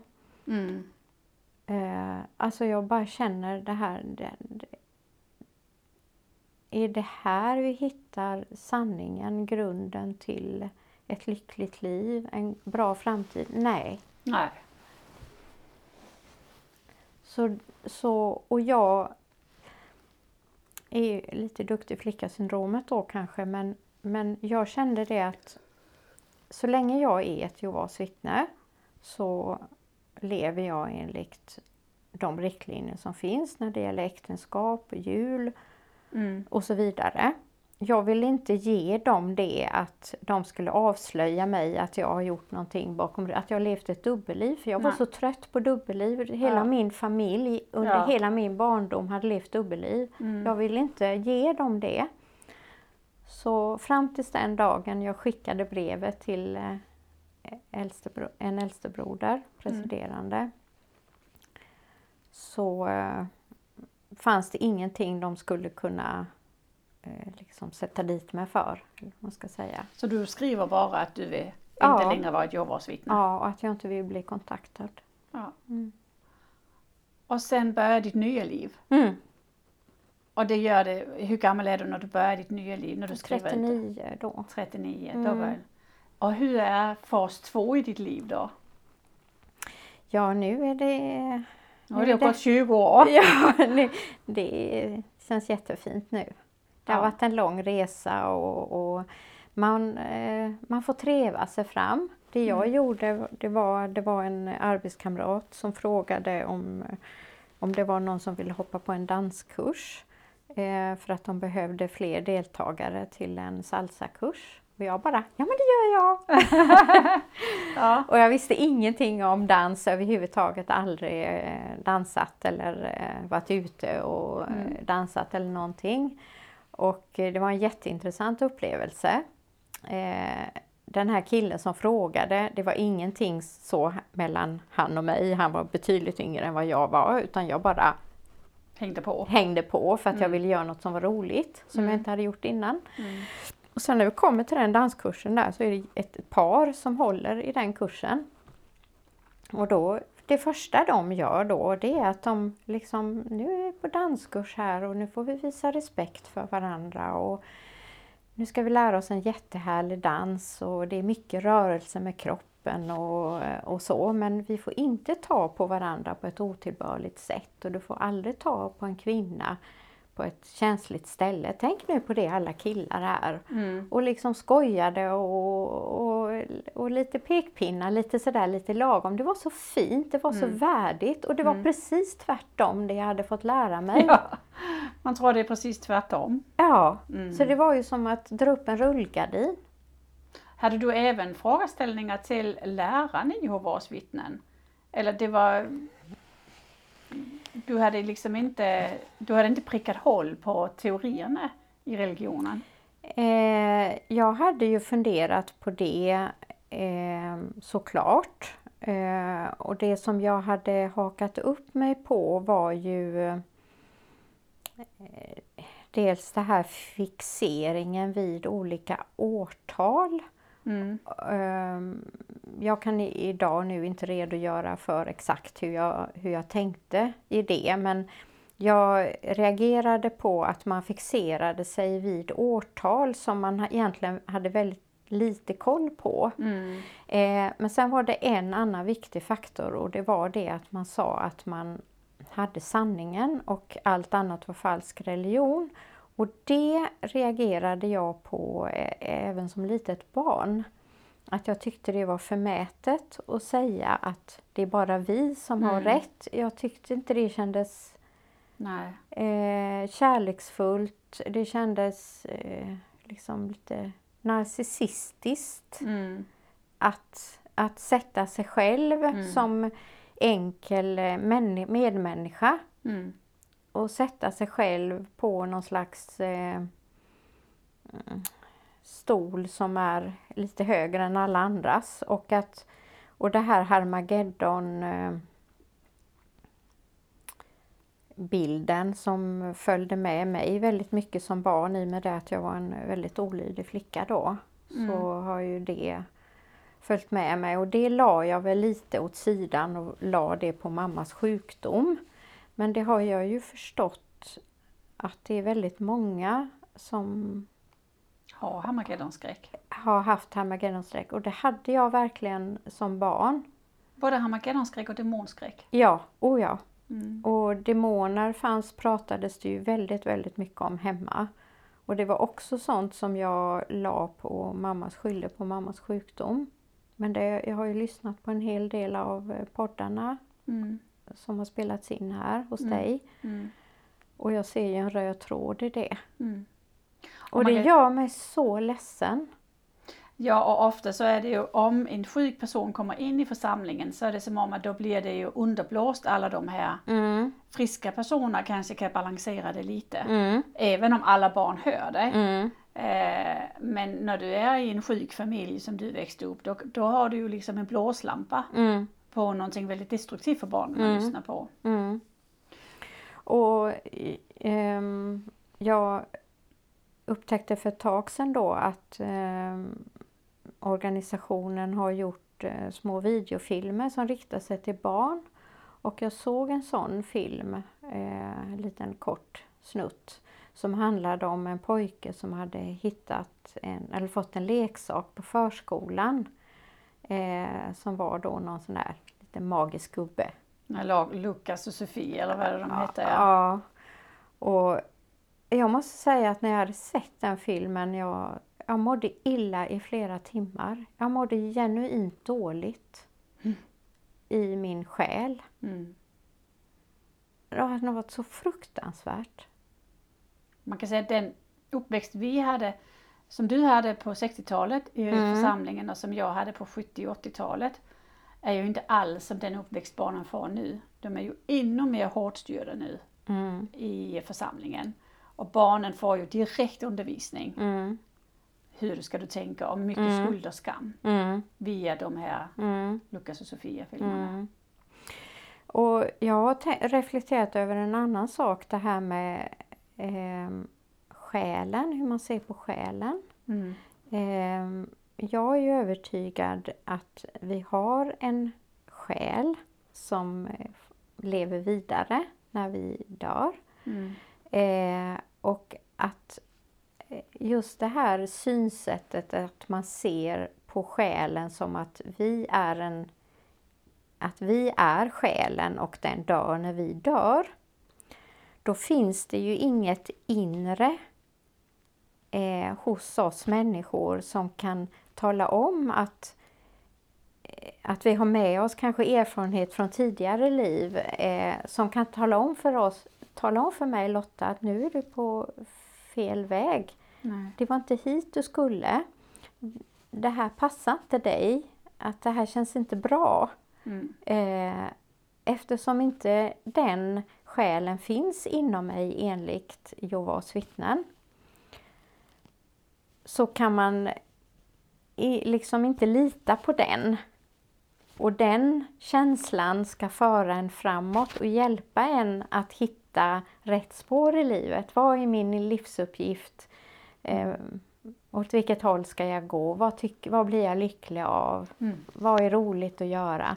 För om man, om man lyssnar inåt och stannar upp och inte tänker så mycket så hittar man ju den vägen till slut. Men Mm. om man inte får lära sig att respektera och lyssna på sin själ då är det mycket lättare att bli förd och styrd av någon annan. Ja. Det har jag kommit på. Mm. Att, att liksom man får liksom knäcka sådana där små nötter. Hur har du fått kontakt med, di, med dig själv? Det handlar, med, det handlar ju om att lära känna Lotta långt Mm. inne. Vem är den riktiga autentiska Lotta?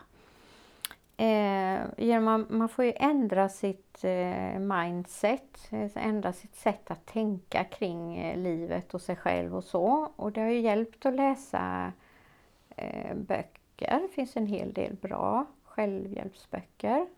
Eh, jag har tränat yoga i många år som är ett fantastiskt verktyg att, att respektera och älska sin kropp om allt vad den kan utföra och att dra nytta av naturliga energikrafter som finns runt omkring oss och som vi kan liksom ta hjälp av. Det är liksom naturkrafter och ingenting annat. Nej. Eh, det är ett fantastiskt verktyg. Och sen ehm, har ju jag, jag är ju trädgårdsmästare nu och jobbar med, ur, eh, jobbar med trädgård utifrån ett hälsoperspektiv och har jobbat i en terapiträdgård i åtta år där jag har lärt mig mycket av eh, mina kollegor då som är, jag jobbade som trädgårdsmästare och de som psykologer, terapeuter, sjukgymnaster och så vidare. Och det finns ju mycket vi kan eh, göra för att liksom tänka annorlunda kring det vi går igenom i livet och svårigheter och stress och så. Eh, för min del så har jag tänkt så här att många som har haft en svår utmattning eh, säger så här att jag kommer aldrig bli som jag var innan. Jag kommer aldrig liksom uppnå, jag kommer aldrig kunna jobba på samma sätt. Jag kommer inte orka lika mycket. Utan en gång utmattad då är det liksom, då är man lite förstörd. Mm. Många ser det på det viset. Men jag har försökt tänka så här att om jag jämför med hur jag var innan min utmattning, då är ju det fel referensram. För att då levde ju inte jag ett sunt och klokt liv och jag lyssnade inte på mina gränser och signaler. Så det är ju fel referensram, det är inte det jag ska jämföra med. Nej, då blir du sjuk igen. Ja. ja. Så att nu lever jag eh, ett sunt liv. Eh, jag känner efter, jag eh, respekterar eh, mina känslor, eh, jag respekterar min kropp och, och, så och försöker kämpa med det. Det är inte så lätt men man får liksom... Så att nu lever jag det sunda livet och jämför inte det med någonting annat. Ofta går vi ju i cykel därför att vi vill så gärna gå tillbaka till som det var innan. Mm. Även om det var den vägen som, gick, som ledde till en skilsmässa, ledde till utmattning, mm. ledde till sjukdom. Men det är bara för att det kända känns rätt. Men det, det okända kan ju vara det som är det rätta. Ja, det är precis så jag menar. Ja. Att, att äh, tänka sig att vi gör en, en nystart. Det ja. gör ju naturen varje år. Mm. Det är bara, allting bara vissnar ner ja. och så börjar man om från början ja. igen med ny energi. Ja. Ja. Och ger vi näring eh, till livet i form av goda vänner som inte dömer oss, eh, som inte överger oss för att vi kanske gör ett lite ovanligt val eller mm. så. Och vi äter bra och ja, gör aktiviteter och ser oss omkring och tittar på roliga saker, vackra saker. Då får vi ny näring och ny energi. Mm. Och så får vi starta om. Mm. Hur, hur, hur var det för dig att gå igenom en uteslutning? Hade du redan i samband med uteslutningen fått de här eh, redskapen eller hur, hur hanterade mm. du den fasen i ditt liv? För det första hanterade jag det på det viset att jag inte såg mig som utesluten för jag hade lämnat själv. Mm. För mig var det viktigt. Ja. Eh, så, bara att mm. det var mitt eget val. Eh, men sen i praktiken är det ju samma sak mm. som att bli utesluten. Eh, men ehm, jag, hade, jag visste mycket, mycket väl vad det innebar. Så jag var ju väl förberedd och i och med det att jag inte inte hade gått på mötena under väldigt lång tid innan så hade jag ju... Det blev ju inte så abrupt för mig. Eh, och det jag försökte hålla fast vid var ju min familj, min syster och så men det... Jag trodde kanske att det skulle gå, att hon skulle förstå mitt val på grund av det vi hade gått igenom, både hon och jag. Men så blev inte fallet, så att det var det blev ett avbrott där. Ehm, sen gjorde jag ju så som jag sa innan. Jag hoppade på en danskurs och höll i det och, och, och, och så fick man nya vänner via det och så lite jobbarkompisar och så leder det ena till det andra. Och, Mm. och så. Men Har du några av dina barn som är Jehovas vittnen? nej, Nej.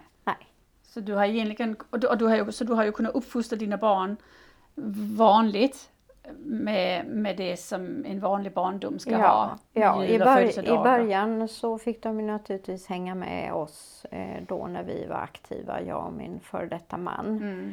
Eh, men sen har de ju, kunde de ju ganska snart eh, liksom forma sitt eget liv och välja vilka kompisar de ville och, och sådär. Mm. Och de var inte så gamla när du lämna, valde att lämna. Nej, Nej. det var de inte. Så då blir det på något sätt också att din, hela din nära familj, alltså din egen familj med, med barn och Mm. framtida barnbarn Ja, har ingenting med, med det att göra. nej precis. Men det är klart de har ju sin, eh, sin mormor och morfar och sin farmor och farfar. Eller mormor kanske inte de har fått uppleva men morfar och farmor. Mormor har ju, min mamma har ju gått bort. Ja. Eh, eh, men eh, morfar kan de ju inte träffa. Eh, De har ingen relation med... jag har ett barn som har kontakt med sin morfar. Okej. Mm. Men deras farmor och farfar, De lever inte. de lever inte heller. Nej, men de betydde, min man, min före detta man och hans föräldrar, var jättegoda människor. Mm. Och jag är så tacksam att jag har fått lära känna dem. Mm. Och de, mina barn är jätteglada i Ja. sin farmor och farfar. Ja, ja, vad fint. Ja, och jag måste säga en sak att efter det att jag hade lämnat församlingen så hade vi ju mm, eh, så här, familjefester i samband med att barnen tog studenten och eh, min dotter hade namngivelsesceremoni när hon fick sina barn och så och då Mm. var farmor och farfar med. Mm. Och de var jättegulliga mot mig när de träffade mig i Ja. samband. Vi träffades ju inte annars såklart men Nej. vi träffades ju dem och de var så trevliga och kramade om mig och Ja, vänliga på alla sätt. ja, vad fint. Och, och min svärfar då, för detta svärfar, han var ju äldste i alla år och Ja. så. Men de visade den här medmänskligheten, det behövs så lite. Ja. Ja, Jag är så tacksam för det. jag håller med dig. Vi har ju också lyckats att komma till den punkten i vår familj där när barnen har skolavslutning Mhm. att vi kan samla farmor och farfar och mormor och pappa och mamma och Mm. bonuspappa. Mm. Att vi kan samlas alla ihop i, eh, i, bra, i bra stämning Mm. omkring barnen Mm. eh, för att eh, fira barnen. Mm. Och det är jättefint Mm. När man kan göra det. Ja, ja verkligen. Så ditt liv idag Lotta, Mm. hur är ditt liv idag? Jo, eh, jag är gift med min stora kärlek Joakim. Eh, och eh, vi har väldigt liknande intressen. Jag jobbar ju med trädgård och hälsa och han jobbar med hälsosamma trähus. Eh, Mm.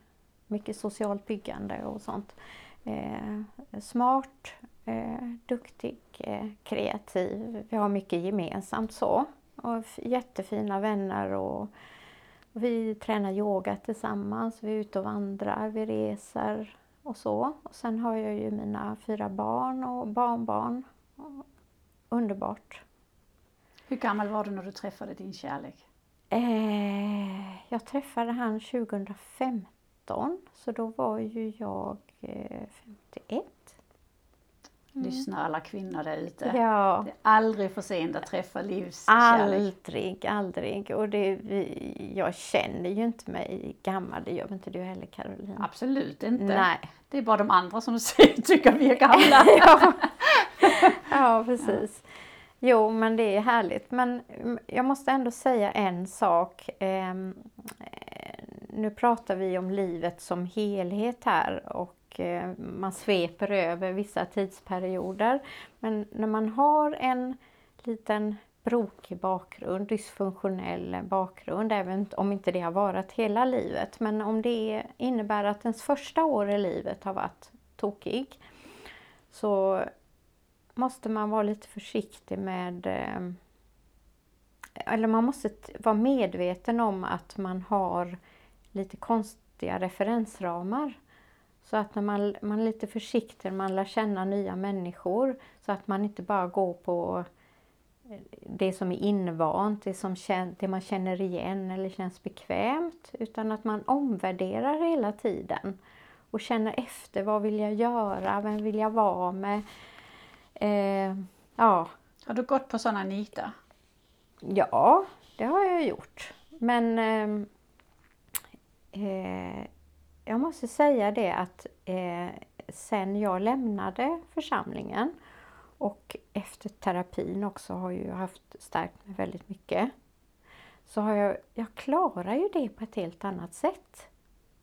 Mm. Eh, jag känner att min basfamilj och eh, även eh, runt, inte bara min egen basfamilj utan även lite runt omkring och andra eh, familjer som hade problem. Det var sån dramatik.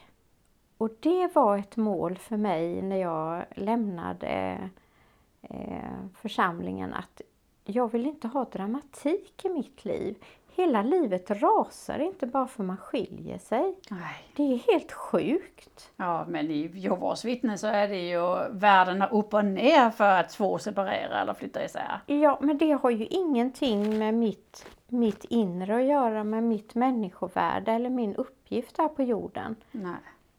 Det är mm. en sak som har fallerat, men allt annat står ju kvar. Ja. Mm. Och sådana tankeövningar har varit så viktiga för mig.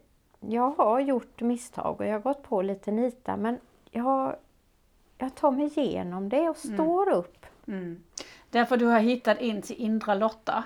Ja. Du har förstått att du har någonting annat inom dig mm. än bara ett tomt skal. Du är inte bara organ som har en funktion. Nej. Det är någonting annat i styrkan ja. som håller dig stabil. Ja precis och jag har liksom kan haka upp livet på någonting för när man hela tiden går och väntar på par, paradiset det är precis som att man pausar hela livet tillfälligt. Mm.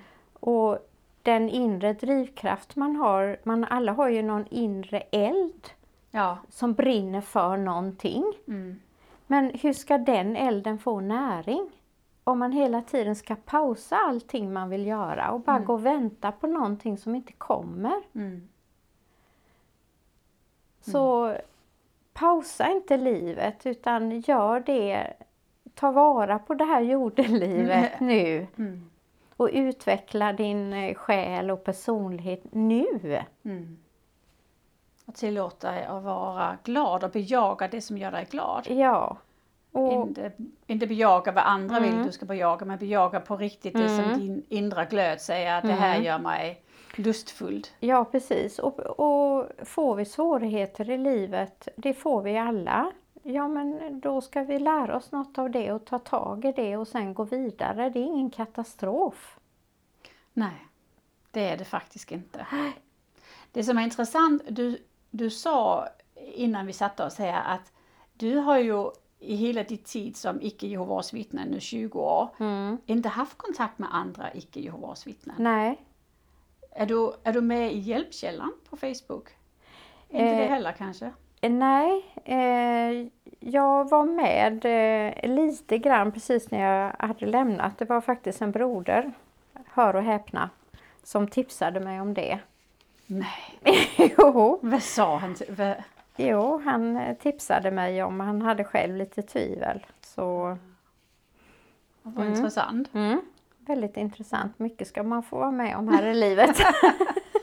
men du men, var inte då... Eh, men jag, jag var där inne och tittade lite och läst, skrev lite med någon och, och läste så. Men eh, jag vet att Hjälpkällan har varit till hjälp för många, men för mig passade det inte så bra för att just det skedet jag var då, då var jag liksom så färdig med det och hade beslutat mig lugnt och sakligt och fattat det beslutet och då ville jag ju uppleva livet och eh, ja, jag vill inte hålla på och älta eh, problem som hade varit och mm. för det, det kan lätt bli så när XJV är lite besvikna över saker som har hänt och så mm. diskuterar man det och, mm. och ältar det och så. Och en del behöver det under en period för att sen gå vidare men jag behövde inte det utan jag ville bara Starta, starta ville, ditt liv?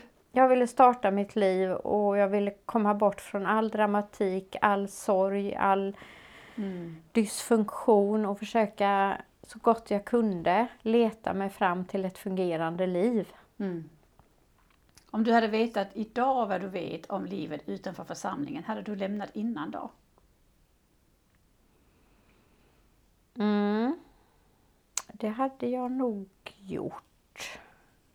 Men jag vet inte riktigt var den kunskapen skulle ha kommit ifrån för jag var inte mottaglig för det. Nej. Det är ju det som är så svårt kanske att det måste växa fram. Ja, det är en så stor del av ens paradigm man, tar upp, man gör upp med. Ja. Så man måste verkligen ha kommit en bit på vägen och ha förstått mm. det. Mm. Um, så jag tror också att man gör det precis i rätt tid när man mm. gör det. Mm.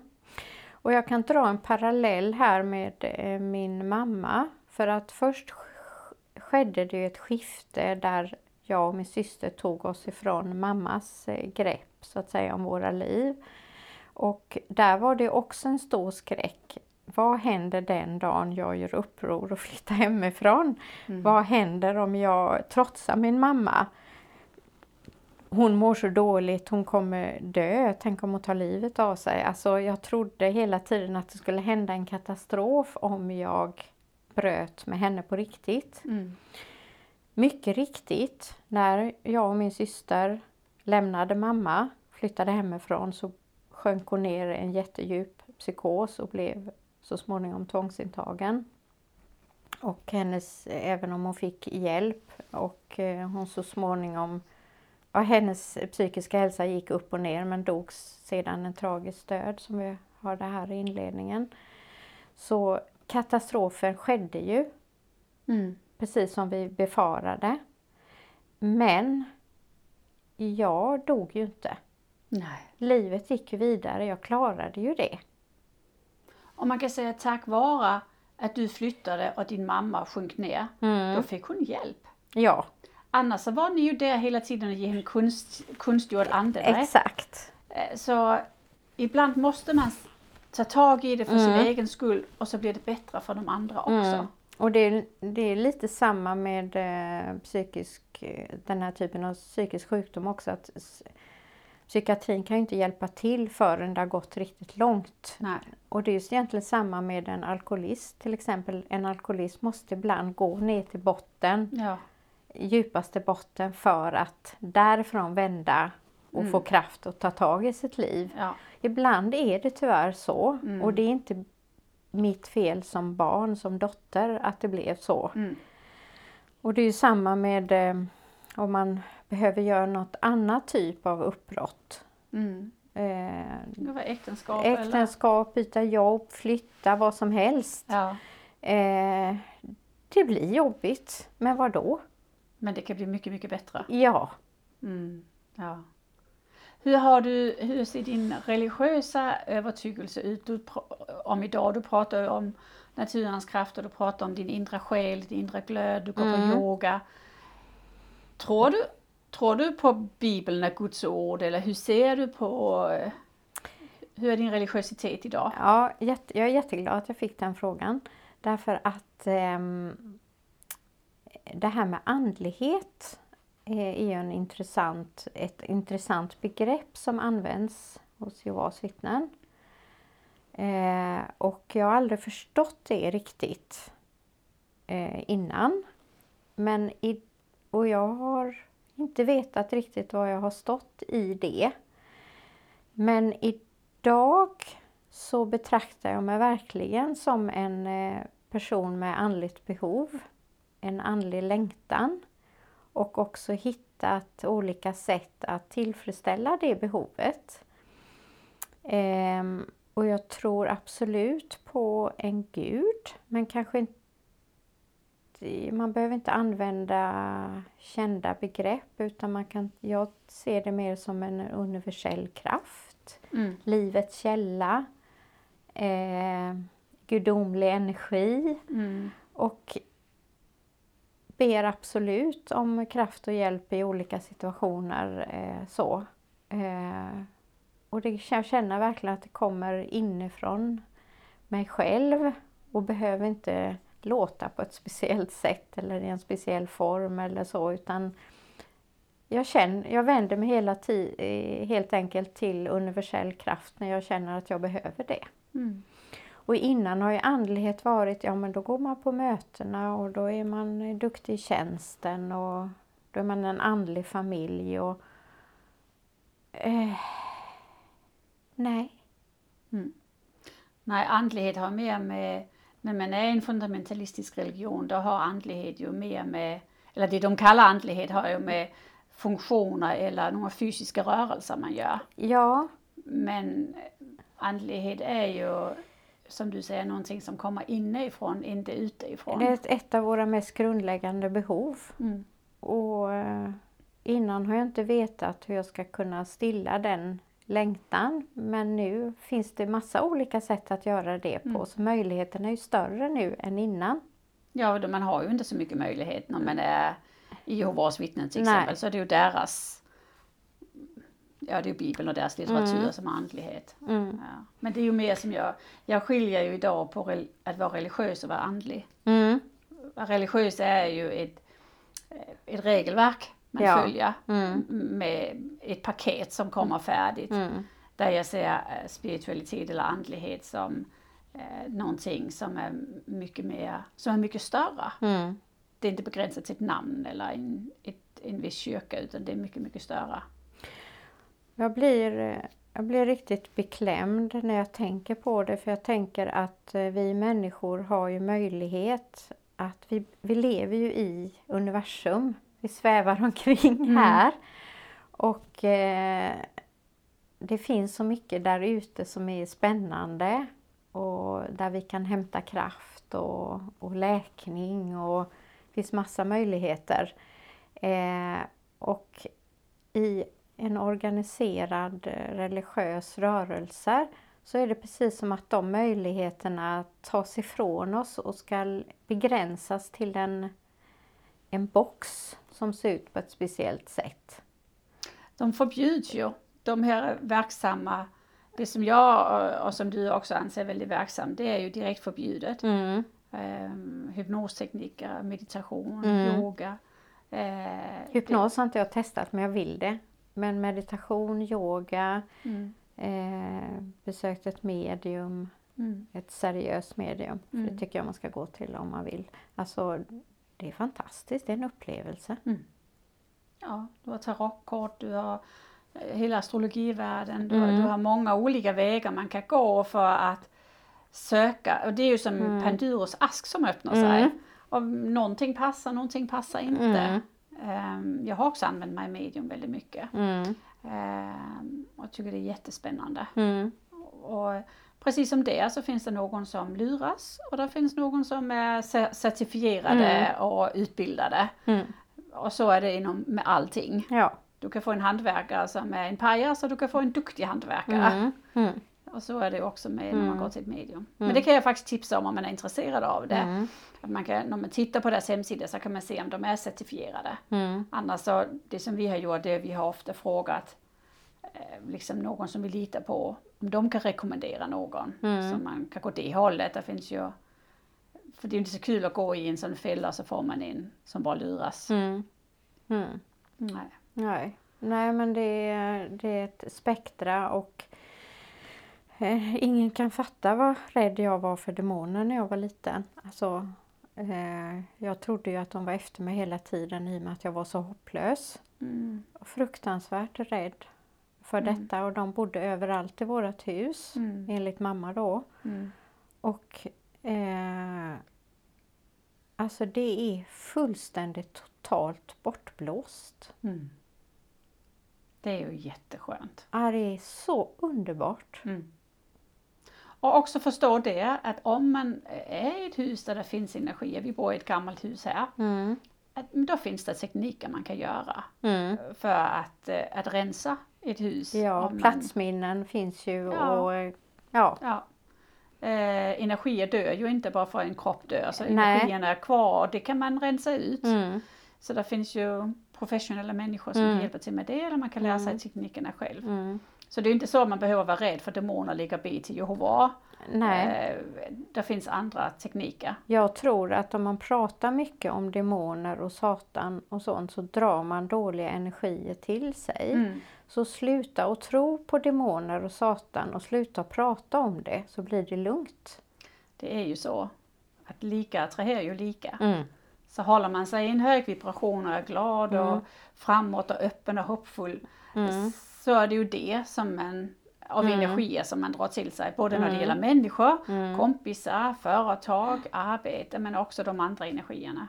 Och när vi pratar om det, det här positiva som vi ska uppehålla oss vid, så tänker jag att en av mina talanger har varit att jag haft lätt för att ta med mig sånt som är positivt.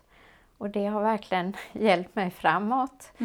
Eh, och jag har tänkt mycket på det att mitt i all den här eh, tragiken som jag har berättat om så fanns ju ändå det här hoppet om paradiset. Och jag tror faktiskt att det har hjälpt mig. Mm. För jag visste eller förstod att det fanns också någonting annat än det jag fick uppleva hemma. Mm. Det, finns, det var en illusion och jag Mm. ser det som en illusion idag.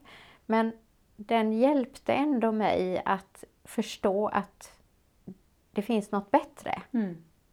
Sen idag så tror jag på paradiset på ett annat sätt. Att det är någonting som jag skapar här och nu inom mig. Och vi Mm.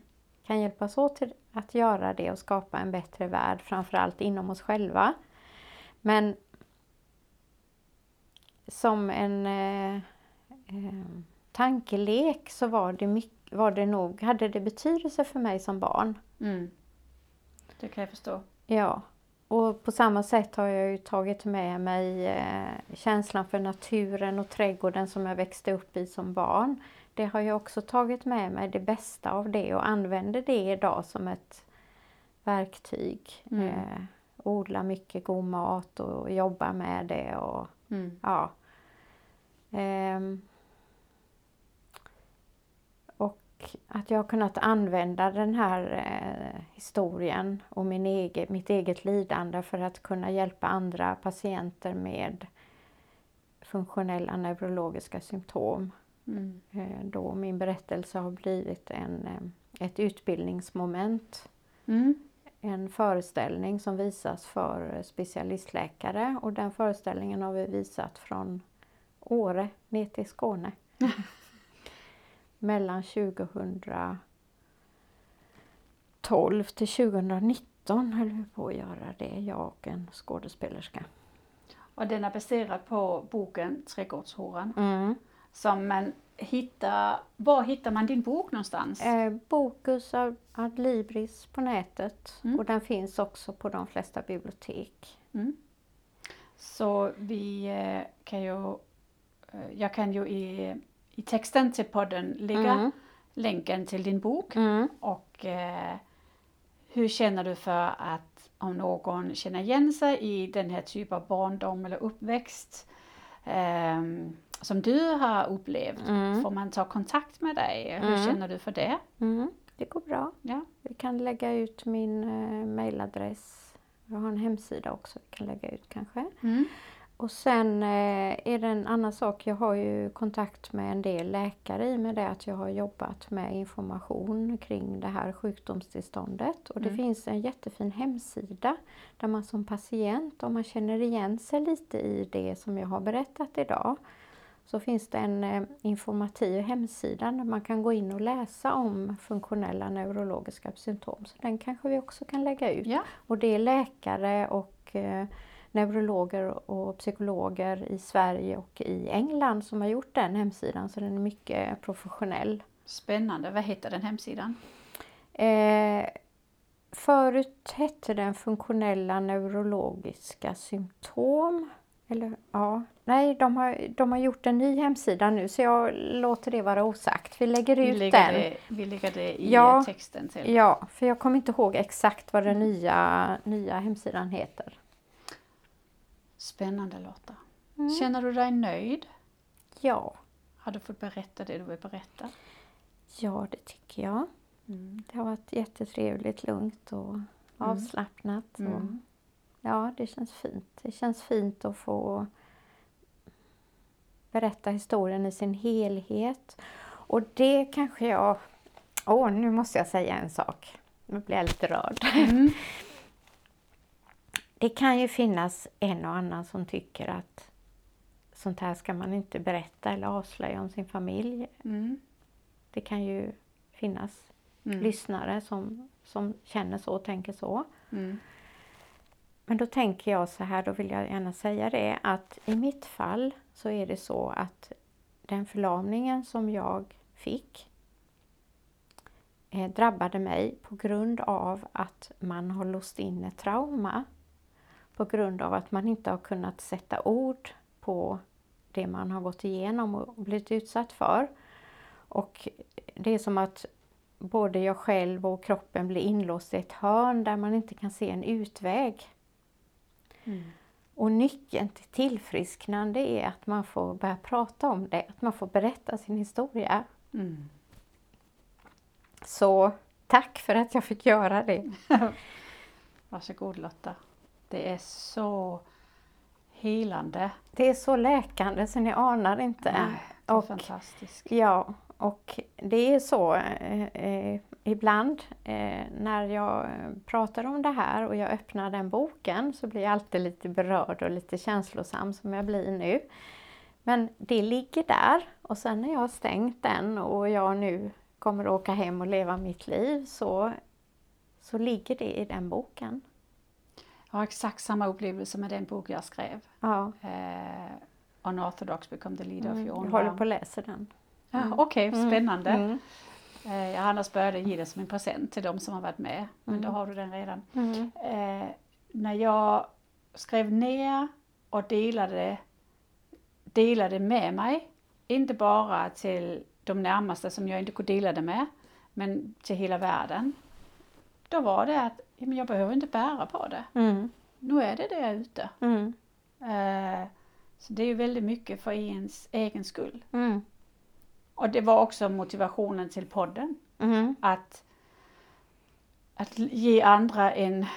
Faktum är att rekommendationen till podden kom från ett medium vi har gått till många gånger. mm, Och han, eh, han har sagt det, du, du ska göra detta Caroline. mm. Jag bara, men jag har aldrig gjort podden, hur ska jag göra det? Jag, jag har ingen aning. Mm, Det är ett behov för det. mm, Eh, och när jag, gjorde, när jag började med det, det har ju varit så otroligt många som lyssnar. mm, Jag tror vi är uppe i över 40 000 nedladdningar Mm. nu. Ehm, det är så många som lyssnar, det är så många som vaknar, det är så många som får tröst, det är så många som själv får dela. Men mm, det är ju inte alla som kan få dela, men de som inte kan få dela, de kan få lyssna och känna sig hörd genom andras Mm. berättelser. Det är så mycket healing i det. Ja, Att bara få ha en plattform och en mick och så här har jag upplevt det. ja. Och att hänvisa till tystnad eh, när någonting sånt här har hänt eller någon liknande historia, det är, det är ju som att gå tillbaka till roten. till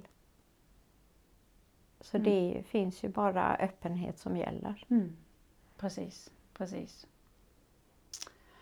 Men med det sagt Lotta, då vill jag säga tusen tack för att du ville Tack. komma ända ner hit till Skåne. Mm. Uppskatta din ansträngning. Mm. Mm. Och jag önskar dig en trevlig resa tillbaka. Mm, Ja. Tack, tack. Vill du vara med i Vakna med Caroline och gäster? Att dela med sig av sina upplevelser kan frigöra en hel del blockeringar och hjälpa dig vidare i livet. Det är ofta helande och läkande att höra sig själv berätta vad man har varit med om och som man faktiskt har klarat av. Det är som en tung ryggsäck som man kastar bort för att gå vidare med nya och friska krafter. Besök reject.com och anmäl ditt intresse om du vill vara med. Knappa in r-eject.com e, reject.com. Du är varmt välkommen.